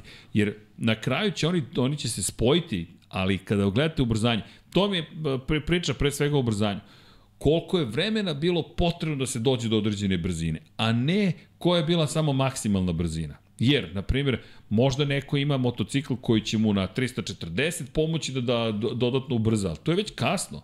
Ti si već zakasnio, idemo već u fazu kočenja, a kočenja su po 150-200 metara. I evo Dragan Matić kaže vidjeli smo sve to već u drugoj polovini prošle sezone. To upravo to, ovo je nastavak prošle godine. Jednostavno to je nastavak onoga što su radili, što je Jelena rekla, od prošle godine od, od Holandije Peko je gotovo savršen. Marko Hektor, Srki, trebali ovako Markeza kamenovati ružnim komentarima. A Marko, ja sam uvek protiv toga da bilo koga kamenuje, da se bilo koga kamenuje ružnim komentarima, ali i ne branim nikoga. Ja prosto, kada, kada pričam o tome, razumem navijačke strasti. I to je ono što Paja često spominje. Ljudi jednostavno nekoga vole, nekoga vole da ne vole. Da Mark Marquez je, ja bih to gledao, ako ste navijač Marka Markeza kao nešto pozitivno, zašto? To znači da je povreda zaboravljena. Niko se više ne bavi povredom Marka Markeza, nego se bave opet Markom Markezom u kontekstu šta on sve može, ne može, gde greši, gde ne greši, što je, koliko god možda čudno zvučalo, dobar znak. To znači da možemo da se ne bavimo povredom, E sad, da li je veliku grešku? Jeste. Da li tu postoji i pitanje kako posmat, kako se određeni vozači posmatraju? Apsolutno e, da je neko drugi napravio ovakav incident. Da, bilo bi... Setite se Takakija na Kagamija, drvlje i kamenje po Takakiju na Kagamiju. Ali, pošto nije Mark Marquez, onda to nije toliko zanimljivo. Evo, samo uzmite obzir sledeću stvar. Da se Mark Marquez povuče iz Moto Grand Prix-a. To je vest. Da se Takaki na Kagami povuče iz Moto Grand Prix-a, Jeste vest, ali samo za nas velike ljubitelje Moto Grand Prix. Tako da, tako da, evo, Master ima kaže, ja ne mogu da razumem navijačke strasti, ali Master ima to je svugde. Ja, ja ne osjećam na taj način stvari u kontekstu ovog sporta, ali ja toliko dugo već nisam gledalac da, da, da, da, da nemam prava da, da nekome pričam o tome, ali mogu da razumem kada su ljudi u krajnjem slučaju, ne treba možda shvatiti sve to toliko ozbiljno. Ok, neko je ljut i to je to, ali većina ljudi da najde Mark Marquez, ne verujem da bi baš rekla, e, baš hoću sad nešto da ti ružno kažem, ili kaže, drugačije pristupi tome. Tako da, to su samo strasti, ajde tako da kažem. E, kada je Honda dominirala, nisam čuo veliko kukanje kao sada na Ducati što dominira. E, Honda nikad nije dominirala. Dominirao je Mark Marquez. To je velika razlika. Honda, evo uzmite sezone Honda, Markezove dominacije, evo možemo da to odmah i prođemo. A, da vidimo 2019. Dakle, kada pričamo o Moto Grand Prix-u, Evo samo da se vratim unazad. Dakle, prva pozicija u šampionatu sveta Mark Marquez Honda. Druga pozicija Andrea Dovizioso Ducati. Ma, to je inače sezona kad imao 420 poena na kraju sezone i 151 prednosti. Maverick Vinales Yamaha, Alex Rins Suzuki, Fabio Quartararo Yamaha, Danilo Petrucci Ducati, Valentino Rossi Yamaha, Jack Miller Ducati, Karl Crutchlow, u to vreme Karl je bio na Hondi, je na poziciji broj 9, Franco Morbidelli Yamaha, Paul Espargaro KTM, Joan Mir Suzuki, Takaki Nakagami, pozicija broj 13 u šampionatu na Hondi, Jorge Lorenzo je bio 19. Tako da, to je suštinska razlika u kontekstu dominacije. I niste imali 8 Hondi, i nije 8 Hondi bilo konkurentno. Imali ste jednog vozača na Hondi koji je konkurentan, Karl Kračl te godine kada je bio deveti u šampionatu je imao jedno treće, dva treće mesta i jedno drugo mesto. Tako da ne postoji dominacija Honda, postoji dominacija Marka Markeza na Hondi. To, to je suštinska razlika. O, samo da vidimo sezonu pre Mark Marquez, 76 pojena prednosti, 76 pojena prednosti na kraju sezone u odnosu na Andreju Dovicioza. Dakle, Honda, Ducati, Valentino Rossi, treća pozicija. Pazite Valentino Rossi gde je bio 2018. godine. Treći u šampionatu sveta, 198 pojena, ali Yamaha. Maverick Vinales, Yamaha. Alex Rins, Suzuki. Joan Zarko, Zarko je u to vreme bio... Gde je bio Zarko te godine? Bio je... Je li bio u Pramaku? Ne, bio je u, Tech 3 Yamahi. Zatim Karl Crutchlow, Honda sedma pozicija, jedna pobjeda i jedno treće, jedno drugo mesto, pa Danilo Petrući na, na Ducatiju, Jorge Lorenzo na Ducatiju te godine, ili tako, to je, to je godina Ducatija, Andreja Janone Ducati, Dani Pedrosa na Hondi, pozicija broj 11 u šampionatu vozača. Opet, nemate dominaciju Honda, dakle mi ne govorimo, mi tu pričamo o dominaciji Marka Markeza i tako možemo kroz godine i to je razlika u, u kukanju, ajde tako da se izrazim, što niste imali 8 Hondi od kojih je 6 u prvih 12 vozača, ako mogu da dam neku vrstu mojeg razumevanja trenutno situacije. E, pa zadnjih 30 godina srđane Duan Rossi, Stoner, Pedrosa, Marquez, jedino Lorenzo nije. Pa, ok, ali niko nije dominirao na ovaj način u okviru tih šampionata. Dakle, ako se vratite i na, na, na Honda, da je Honda dominirala? Honda je, možemo reći, imala velikane ovoga sporta, ali da pričamo o tome da je Honda dominirala na ovaj način, niko nikad nije dominirao. I niko nije kukao na Ducati 2006-2007. godine kada je Stoner osvojio titulu, osim navijača Valentina Rosija. Ali niko se nije žalio na, na Ducati. Tada nije Ducati dominirao. Što se tiče Honda, Honda je imala Duana, pet titula za redom, pa imala Krivijea, pa je došao Rossi, e, posle Rossija nije imala nikoga tako dominantnog. Hayden je osvojio titulu, ali ako pogledate Yamaha 2004. 2005. 2006. Honda, 2007. Ducati, dakle, eto 2007. Ducati, 2008. Yamaha, 2009. Yamaha, 2010. Yamaha, 2011. godine Stoner na Hondi, 2012. Lorenzo, to je opet Yamaha i onda počinje era Marka Markeza. Zato kažem, nije nije nikada postojala ovakva dominacija čak ni u tim šampionatima na nivou 8 timova. Možemo da se vratimo čak možda i na, na vreme kada je Mick Duan dominirao. To će biti zanimljivo. da vidimo ko su sve tu ljudi koji su pobeđivali. Da vidimo. Mm, dakle, morali bismo da se vratimo dosta... E, to je Honda, na primjer. Evo, Honda, Mick Duan, tada Yuki Okada, Nobuatsu Oki, Alex Krivijeta, Kuma Aoki. To je baš ono Honda Honda. A ako krenemo od 2001. godine, MotoGP-a, sezone, to je sve zapravo... Ali to je već era... To je već era mm, Valentina Rosija. Evo, da vidimo u šampionatu sveta kakva je bila situacija. Rossi prvi, Bjađi na Yamahi drugi, Capirossi treći na Hondi, Alex Baroš na Hondi, pa Yamaha, Yamaha, Yamaha, pa Honda, pa Suzuki, pa Honda, pa Suzuki. Ne, nemamo baš to situaciju opet. Yamaha je igrala neku ulogu, Suzuki se nešto trudio, ali tu imamo duele Honda i Yamahi. Tako da, I to, to inače, čak nije ni Moto Grand Prix, to je poslednja sezona 500 kubika. I da imamo Moto Grand Prix, sad ste mi bacili Žišku. Honda, Rossi, Bjađi Yamaha, Toru Ukava Honda, Baroš Honda, Čeka Yamaha, AB Yamaha, Honda Honda, Suzuki Yamaha, Yamaha, Proton i tako dalje, tako dalje. Tako da, drugačije, baš je bilo drugačije neko vreme. Nikad nismo imali baš ovakvu uspešnu, i ono što tu nije fair prema Ducatiju, istini za volju, je to da zapravo niko od tih proizvođača nije pravio osam fabričkih, to jest četiri fabrička motocikla i četiri stara samo jednu sezonu. Ajde idemo u, u, u kvalifikacijama kako su stvari izgledale, ako mogu da nećem. Dobro, da sad ne, ne odem predaleko, ali kažem, nismo imali ovakvu vrstu dominacije, više su to bili pojedinci. Zato, to je samo moje, eto, neko razumevanje stvari. E, Master ima Srki, da li je Stoner rekorder po prednosti po odnosno na klubsku kolegu, mislim da ima 200 pojena ispred njega. Uh, to nije nemoguće u, u vremenu kada je Marko Melandri vozio sa njime, ali to moram da proverim. E, inače, Stefan pita šta se dešava sa kaznom Marka Markeza, da li se računao kada se vrati na stazu ili sada prolazna kazna. Ne, to, to smo spomenuli na početku. Međunarodna motociklička federacija je promenila kaznu, Tako da ne samo u Ameriku, nego na, na prvu sledeću trku na kojoj bude učestvovao, na prvoj trci mora da odradi tu kaznu, ali ako to bude kota, pa eto, hendikep ima na svojoj omenjenoj stazi kako je vozio prošle godine, možda će to biti inspiracija upravo tome. E, ali ono što je zanimljivo pitanje, kada mora da odradi tu kaznu? U sprintu ili na Grand Prix trci? E, to je ono što ne znam. To je ono što zaista, zaista ne znam. Da li u sprintu može da odradi svoja dva duga kruga i kaže, ok, jer evo, imamo sprint, dobili smo sprint, ja ne znam sad šta pravila kaže.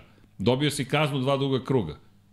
Jer, ja, jel on u subotu odrađuje kaznu? Ja dođem i kažem, e, imam kaznu, ok, evo sad u subotu ću da odradim dva kruga, ja i čao. Ne znam. Eto, to je pitanje, moram da prođem, pročešljam pravilnik. Da Evo, kaže Gojko GP pisalo je, ok, ako je Grand Prix trka, onda je onda u Grand Prix trci. Što će stvari učiniti zanimljivim? Tako da, eto, nisam, nisam pažljivo pročitao ovu najnoviju e, izjavu, izvinjam se na tome, ali hvala vama na pomoći. Tako da, eto, Grand Prix trka. A što se tiče onoga što treba da, da, da, da, da, da vidimo u Americi, pa eto, prošle godine krenuo poslednji, pa je nešto uradio, bit će, bit će to interesantno. Mada sumnjam da može sa dva duga kruga bilo što ozbiljnije da učini. Što je opet veliki udarac za njegove, bilo kakve ozbiljnije ambicije. Dakle, nema poena u glavnoj trci broj 1, nema ga u trkačkom vikendu broj 2, u trećem trkačkom vikendu ima sprint, ali ima kaznu u glavnoj trci i sad Banjaja sve to lepo može da složi, kaže, to je to. E, e da, šta sada sa kaznom kada se Honda žali na odluku da se promeni trka? Da li sada treba da je promene one race ban, pa neka se žala opet, treba da budu srećni sa što je za ono dobio do dvostruku kaznu dugog kruga.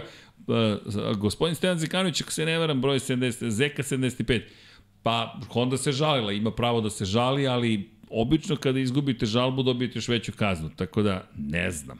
Zaista, zaista ne znam. Asa Tech koji kaže nevjerojatno je koliko sličnosti imaju karijere Rossi i Marquez za pozdrav za ekipu. I mislim da nam je tu vaš flyer, ako se ne varam, tamo na stolu višnje, tu ispod Rose. Ispod vode neke neimenovane. Imajući jedan beli Asa Tech, mislim da piše, ako sam zapamtio dobro sa sajma, a možda sam i pogrešio. Kako god, sličnosti su neverovatne. Marquez je u 27. godini života doživeo povredu po kojoj je prekinut niz, hvala vam, a Rossi je sa 27 godina prvi put ostao bez titule, kada ga je Hayden pobedio, 28. godini života 2007. ga je pobedio Stoner, i onda u 29. to je 30. je osvorio 8. to je 9. titulu. A kada govorimo o, o Markezu, Markez, eto, sa 27 godina, to je kada je napunio 27, imao je 8 titula, Rossi je inače imao 7 titula kada je napunio 27 godina uspeo još dve da osvoji, međutim sa 30 godina, da sa 30 godina je uspeo Rossi, to je bila deveta i posle 30. godine najbliže prišao 2015. Da, nevjerovatno je koliko su slične stvari. Uh, Srki, si vidio sliku na profilu Karla Penata kako Marquez i Rossi igraju šah, Koli je pobedio u toj partiji. Ne znam Koli je pobedio, ali ja, volio bih da, da sam prisustuo, da prisustuo tako. To je inače fotomontaža, ali da, to bi bilo zabavno da se da se vidi. Da Stefan veća kazna je da Janone. Pa da, to je, Janone se žalio, ali Janone se žalio Vadi. Svetskoj antidoping agenciji i Vada je malo rigoroznija, tako da je pitanje ova žalba kako će da prođe. Luka Đurović, Pedro, ako osvoji Moto2, smešimo se mesto u fabričkom timu KTM-a, ko ostaje kao drugi vozač, Jackass ili Binder? Eto, to je čujeno pitanje, Deki tipo je na to da ostaje Binder i dajemo ulogu mentora zapravo, tako da eto pretpostavljam da ćemo zapravo imati tu kombinaciju, ali ne znamo. Ne bih, ne, ne, saista ne znam. Kaže Dragan Matić, ne bih ja poredio VR46 sa bilo kima, pogotovo sa MM. Pa nije to poređenje, ali karijere definitivno imaju sličnosti. A što se tiče titula, osam titula ima Mark Marquez, on je jedan od velikana sporta. VR46, kada govorimo o Rosiju, statistički gledano, Samo je Giacomo Agostini uspešniji od Valentina Rosija, ali nema, nema, nema tu, ne prim klasična poređenja, prosto postoje postoje postoje ne, prosto neka, neke, neke tu sličnosti u njihovim karijerama. Inače, za Janonea, Janoneu mislim da ističe na, kra, u, na jesen ove godine, mislim da mu ističe kazna ako se dobro sećam. I Juso Đanović kaže Yamaha mora pod hitno da uzme satelitsku ekipu i da ima fabrički motor i da ima fabrički motor jer ovako zaostaje sve više i više. Tako je. Ali trenutno oni ne mogu da naprave ni ova dva motocikla. Tako da Yamaha baš ima puno, puno, puno, puno problema. E, osvajanje sa tri različita motora, to je GOAT. E, na koga mislite sad sa tri motora? Ne znam, nikoga ko je osvojio na tri motora titule u, u kraljevskoj klasi. Ko je pobeđivao? Poslednji Loris Capirosi. Ako Maverick Vinales pobedi, to će biti Suzuki, Yamaha i Aprilia, tako da Maveriče, ajmo da te vidimo. A, ako računaš Apriliju, onda je MM osvojio sa dva motocikla. Pa ne, ako računate Apriliju, Marquez je sa derbijem osvojio titulu u, moto, u 125 kubika, osvojio je sa Suterom u Moto2 i sa Hondom u Moto Grand Prix. Tako da, ali Rossi je osvojio sa tri, Aprilia, Yamaha, Aprilia, Honda, Yamaha. Tako da, svi su oni, ne, mislim da je to teško napraviti tu vrstu baš poređenja, ali ono što će biti zanimljivo jeste, eto, da li će se nekada pojaviti šampion koji će na tri različita motocikla osvojiti titulu. Da je Rossi sa Ducatijem osvojio titulu, verujte, to bi, bilo, to bi bio kraj. Deseta titula sa Ducatijem, to ide direktno u muzi tamo u Bolonji, Borgo, Panigale i ne imate neku potpuno drugu istoriju univerzuma. Da, Master Ribat. Pa to, derbi, KTM, Suter i Honda. Pa e, nije sa KTM-om osvojio titulu Marquez sa derbijem je osvojio titul, u KTM-u je vozio samo. Samo. I tako. E, inače, vozio KTM Mark Marquez, čak imao Kersa sistem na tom KTM-u 2009. Ali da ne odemo predaleko, e, Jack ima pobedu u Asenu 2016. sa Hondom i naravno sa Ducatijem. E da, Luka, bravo, zaboravio sam na Jack S-a. Honda, Ducati, sad sa KTM-om, bravo, Luka, to sam zaboravio ali ako se desi, joj, kako će da bude dobro. Bravo, Luka, sad ste mi po... Ah, hvala za ovaj podsjetnik i ja moram da se spremim. Dakle, imamo Jacka, imamo Maverika, pa da vidimo šta će tu da se desi. Koga još imamo? Mm, nemamo nikoga više da je pobeđivo na dva motocikla. Bravo, bravo, bravo. Dragi, dragi ljudi, što da vam kažem nego hvala. Nadam se da ste uživali. Udrite lajkove, ajmo, tuk, tuk, tuk, tuk, tuk, tuk, malo tu da skoče brojke, a da nas ponovo zove Juri. Zvao me Juri za vreme sajma. Srđan, nismo se dugo čuli. Ja kažem, Juri, prijatelju, stari, mi ovde radimo neke ozbiljne stvari. A, da, u svakom slučaju, Master ima počeo se da napravim gde je vozio, zaboravio se da je pitanje za titulu. Jeste, pitanje za titulu je bilo, a mi ćemo sad pozdraviti jer Čika Mile stiže uskoro, moramo da sredimo studio. Višnja će nam zaspati ovde ako se nastavi ovako. Pa mislim da smo do to je u 3 sata tačno. Opa, ušli smo u 3 sata, a sada imamo laganih 8 minuta čitanja i zahvalnosti svim našim dragim pokroviteljima. I da odgovorim Bošku, gde Srki vidiš Fabio ako odluči da ne produži ugor sa Yamahom po završetku ove sezone? Boško, pitanje od milijardu dolara. Gde? Svuda. Svuda, kaže koleginica iz prode. Ali ajmo, brza teorija. Honda? Imao je odnose sa Hondom. Da li želi da ide u, u fabriku koja se takođe muči? Mm, teško. Aprilija?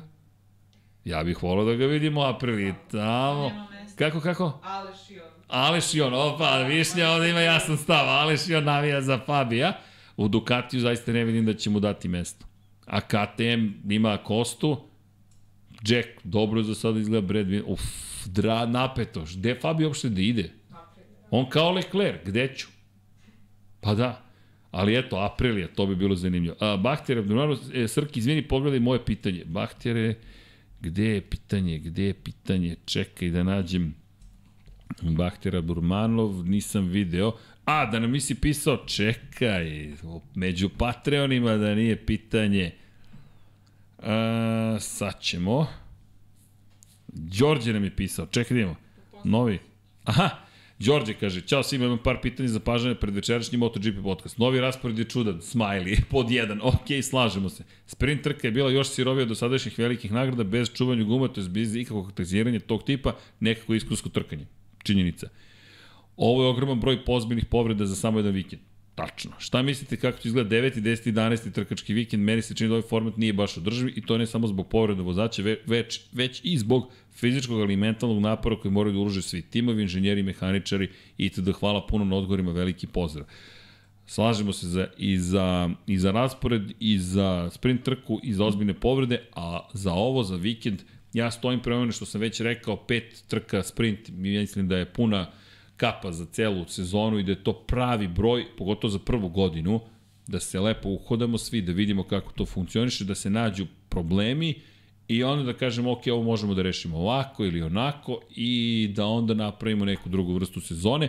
Konačno i publika, pošto mislim da je Dorna očekivala magični štapić, uvedemo sprint i svi se pojave na tribinama. Ne, to dve, tri godine će biti potrebno da ljudi uhvate da su sprint uveden subotom, pa nešto se događa, neće jednom svi pohrliti na stazu, Tako da mislim da bi da, da, da je tu promašena prilika, ali tu smo gde smo. Pozdrav ljudi, znali se hoće li Iko zameniti Beštiju, Marka Markeza iz Pargara u Argentini, Toni, nema zamene za Argentinu, tek za Texas, ukoliko naravno ne budu mogli da voze. Za Bastianini samo da napomenem još jednom da, da je zapravo u sad, sad mi pobeže misle, sad sam pogledao još jedno pitanje. Nešto sam htio da kažem. Eto, pobeže, glava, ode negde, ko zna šta sam rekao? Niko se neće, predstavili su da me slušaju čak i ovde. Samo me gledaju i pokušavaju da se nasmeše. Uh, da, gde smo bili?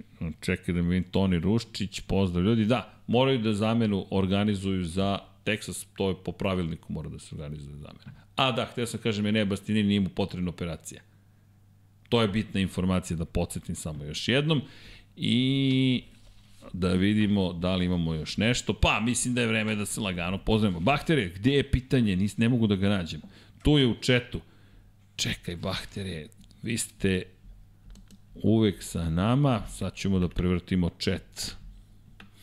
Gde je Bahtjer postavio pitanje? Ako možete da... Aha, pozdrav Srki, šta misliš zašto je Maha nije slušala Rossi u vezi motocikla kada se, kada se svi vozači žale na isto o čemu je on pričao? E, to je čuveno pitanje na koje, nažalost, nemam odgovor. Iskreno nemam odgovor na to pitanje. Negde to podvodimo pod niskomuni, lošu komunikaciju, lošu organizaciju, možda i sujetu neku na nivou da li inženjera ili nepoverenja vozača koji je star. Ali evo sad kad se podsjetio, 2018. treći u šampionatu sveta bio Rossi. 2018. sa 39 godina. Neveratan vozač. I zašto ga nisu poslušali? Pa verujem da ako ne vi možda, možda imate prijatelje koji rade u kompanijama u kojima šefovima govore, ej vidi treba ovo da uradimo ili treba ono da uradimo i ništa se ne događa. Iz mog iskustva, obično je to osoba koja ima viziju koja, koju taj neko ko odlučuje ne razume ili ne može da veruje ili ne, ne mogu da vam trdiš kako je Yamahi, ali iz mog iskustva imao sam situacije gde je neko okružen poltronima pa tom nekom govore da, da, da, da, da, da, da na svaku ideju, pa ako vi kažete ne, ne, tim putem vi ispadate neprijatelj i onda se ništa ne promeni i tek kada sve propadne, ali naravno taj ko je šef on i dalje krivi nekog drugog, jer on nikad nije kriv. Ali to sam zaista ne znam da li je takva situacija, nemam pojma kakva je organizacija Yamahi, deluje mi više da nije to situacija koliko nerazumevanje između fabrike i ekipe, to je ono što je Davide Brivio radio savršeno i da je bio magičan. A to je da uspostavi komunikaciju između japanske fabrike, evropskog tima i da uspe da ih nekako spoji. Lin Jarvis je vrlo dobar u tome, ali čini mi se da jedan Vilko Zilenberg mu nedostaje ili Davide Brivio, takva jedna figura koja je mogla da, da prevaziđe nekako te, te, tu komunikacijonu barijeru, koliko god mi i koji pričamo isti jezik često se ne razumemo. Zamislite sada japanskog inženjera i nekog iz Velike Britanije ili Italije kada komuniciraju, još uglavnom na nekom između jeziku, između italijanskih, na primjer, vozača i japanskih tehničara, zašto je Jeremy Burgess toliko bio važan ili zašto je važan Santi Hernandez za Marka Markeza, oni to mogu nekako da prevedu dalje. Tako da, eto, to zašto ga ne, nisu poslušali. Pa ne znam, zašto ne slušaju Fabio Quartarara. Zašto Ducati nije poslušao Casey Stonera? koji mi je govorio godinama šta treba da popravi na motociklu, kad je otišao iz Ducatija i vratio se posle kao probni vozač i dalje isti problem postoje na Ducatiju. Ne znam, nikad to neću razumeti, ali šta da radite. To tako ide. E, u svakom slučaju, ja vam želim lepo veče, idemo lagano da se pripremamo za neke druge emisije, a koleginice, hoćemo da se pozdravimo sa svima, hvala vam pre svega što ste bili sa nama, e, pročitat ćemo sada imena svih naših dragih pokrovitelja, samo bih da napomenem jednu bitnu stvar, molim vas, juče nam se desilo nešto mnogo lepo, dakle imali smo jedan super chat koji je Marko Momčilović uplatio uz sledeće reči, i hvala mu na tome, hvala i na donaciji. Pozdrav, ovo je poruka samo da znate da vaš apel u novembru po pitanju raka testisa nije bio uzalud. Zbog vaše priče, jedan od drugova je otišao na pregled i imao operaciju na vreme. 24 godine ima čovek. Ako smo ikada bili ponosni sami na sebe, to je bilo u trenutku kada smo dobili ovu poruku. Šta hoću da vam kažem? Budite dobri jedni prema drugima, vodite računa i vozite računa na drugima, mazite se i pazite se. Ne pozivamo uzalud, niti dame da provere da li nešto postoji, rak dojke je nešto što ukoliko na vreme otkrimo možemo možda da izlečimo. Isto važi kada je reč o raku testisa, zato u novembru puštamo brkove, ok, sad ti brkovi imaju neki smisao, nisu samo, nisu samo, nema mi gospodine pasoš sa brkovima, nemam ga. Ali šta hoću da kažem u toj šali, mnogo je zbilje, tako da molim, proverite se, vodite računa jedni drugim, upozorite druge, bliski sebi ljudi. Kontrola je prvo pre svega fizička, fizičke prirode, ne postoji test za, za, za rak testisa, morate bukvalno da se ispipate i da kažete, ej, nešto ovde što ni inače nije bilo, ajmo onda da vidimo kod lekara šta može da se uradi, pa eto, nekom je možda život spašen, ne, ja ne mogu ništa lepše od toga da zamislim da nam neko saopšti. I borite se, nema predaje, a pratite Moto Grand Prix, gledajte Formulu 1, budite dobri i šta da da vam kažem nego da budete još jednom najbolji na svetu i mazite se i pazite se. A mi ću sada pročitati meni, vjerojatno ću ovo sve isto da ponovim još jednom, ali kakav vez ima. Zabavno je. Bang! Hvala Lazar Hristov, Nikola E, Nikola Božinović, Miloš Todorov, Toni Ruščić, odgovorili smo na pitanje, Andreja Branković, Đole, Cheesehead, klub štavotelja Ramona Mireza, Ivan Maksimović, Dušan Ristić, Anonimus, Donatorus, Ivan Panajotović, Nedo Lepanović, Zlatko Vasić, Stefan Ličina, Novak Tomić, Benjo, KK, Mlađan Antić, Ružica Stefanović, Vladimir Stojadinov, Zoran Cimeša, Bogdan Uzelac, Žorž, Ivan Maja, Stanković, Branimir Rijevec, Antonio Novak, Milan Milašević, Ante Primorac, Anonimus Donatorus, Ivan Toškov, Igor Jankovski, Milan Paunović, Žarko Mirić, Marko Kostić, Aleksandar Milosavljević, Đorđe Đukić, Jovan Đodan, Miloš Banduka, Marin Antunović, Andrija Todorović, Đurđica Martinović, Bojan Majstorović, Stevan Zekanović, Salim Okanović, Branislav Marković, Katarina, Kimi Rajkonen, Monika Erceg, Inzulin 13, Marko Petrekanović, Mirina Živković, Aleksandar, Ognjen Marinković, Vukašin Jekić, Nemanja, Mladen Tešić, Mladen Mladenović, Vanja Radulović, Boris Gvozden, Branko Bisački, Vambli Sapa Art, inače Nikola Stojanović, Marko Kozić, Alen Vuletić, Andreja Mirjana Kovačević, Kristijan Šestak, Jelena Mak, Matija Rajić, Ivica, Vladimir Filipović, Vladimir Petković, Vukašin Vučenović, Đole Bronkos, Bata Brada, Miloš Vuletić, Jelena Veljković, Blufonac, Boris Erceg, Ferenc Laslofi, Vladan Miladinović, Aleksa Lilić, Džigi Bao, Nedim Drljević, Darko Trajković, Aleksandar Radivojša, Mladen Krstić, Gloria Edson, Andreja Miladinović, Pavle Nj,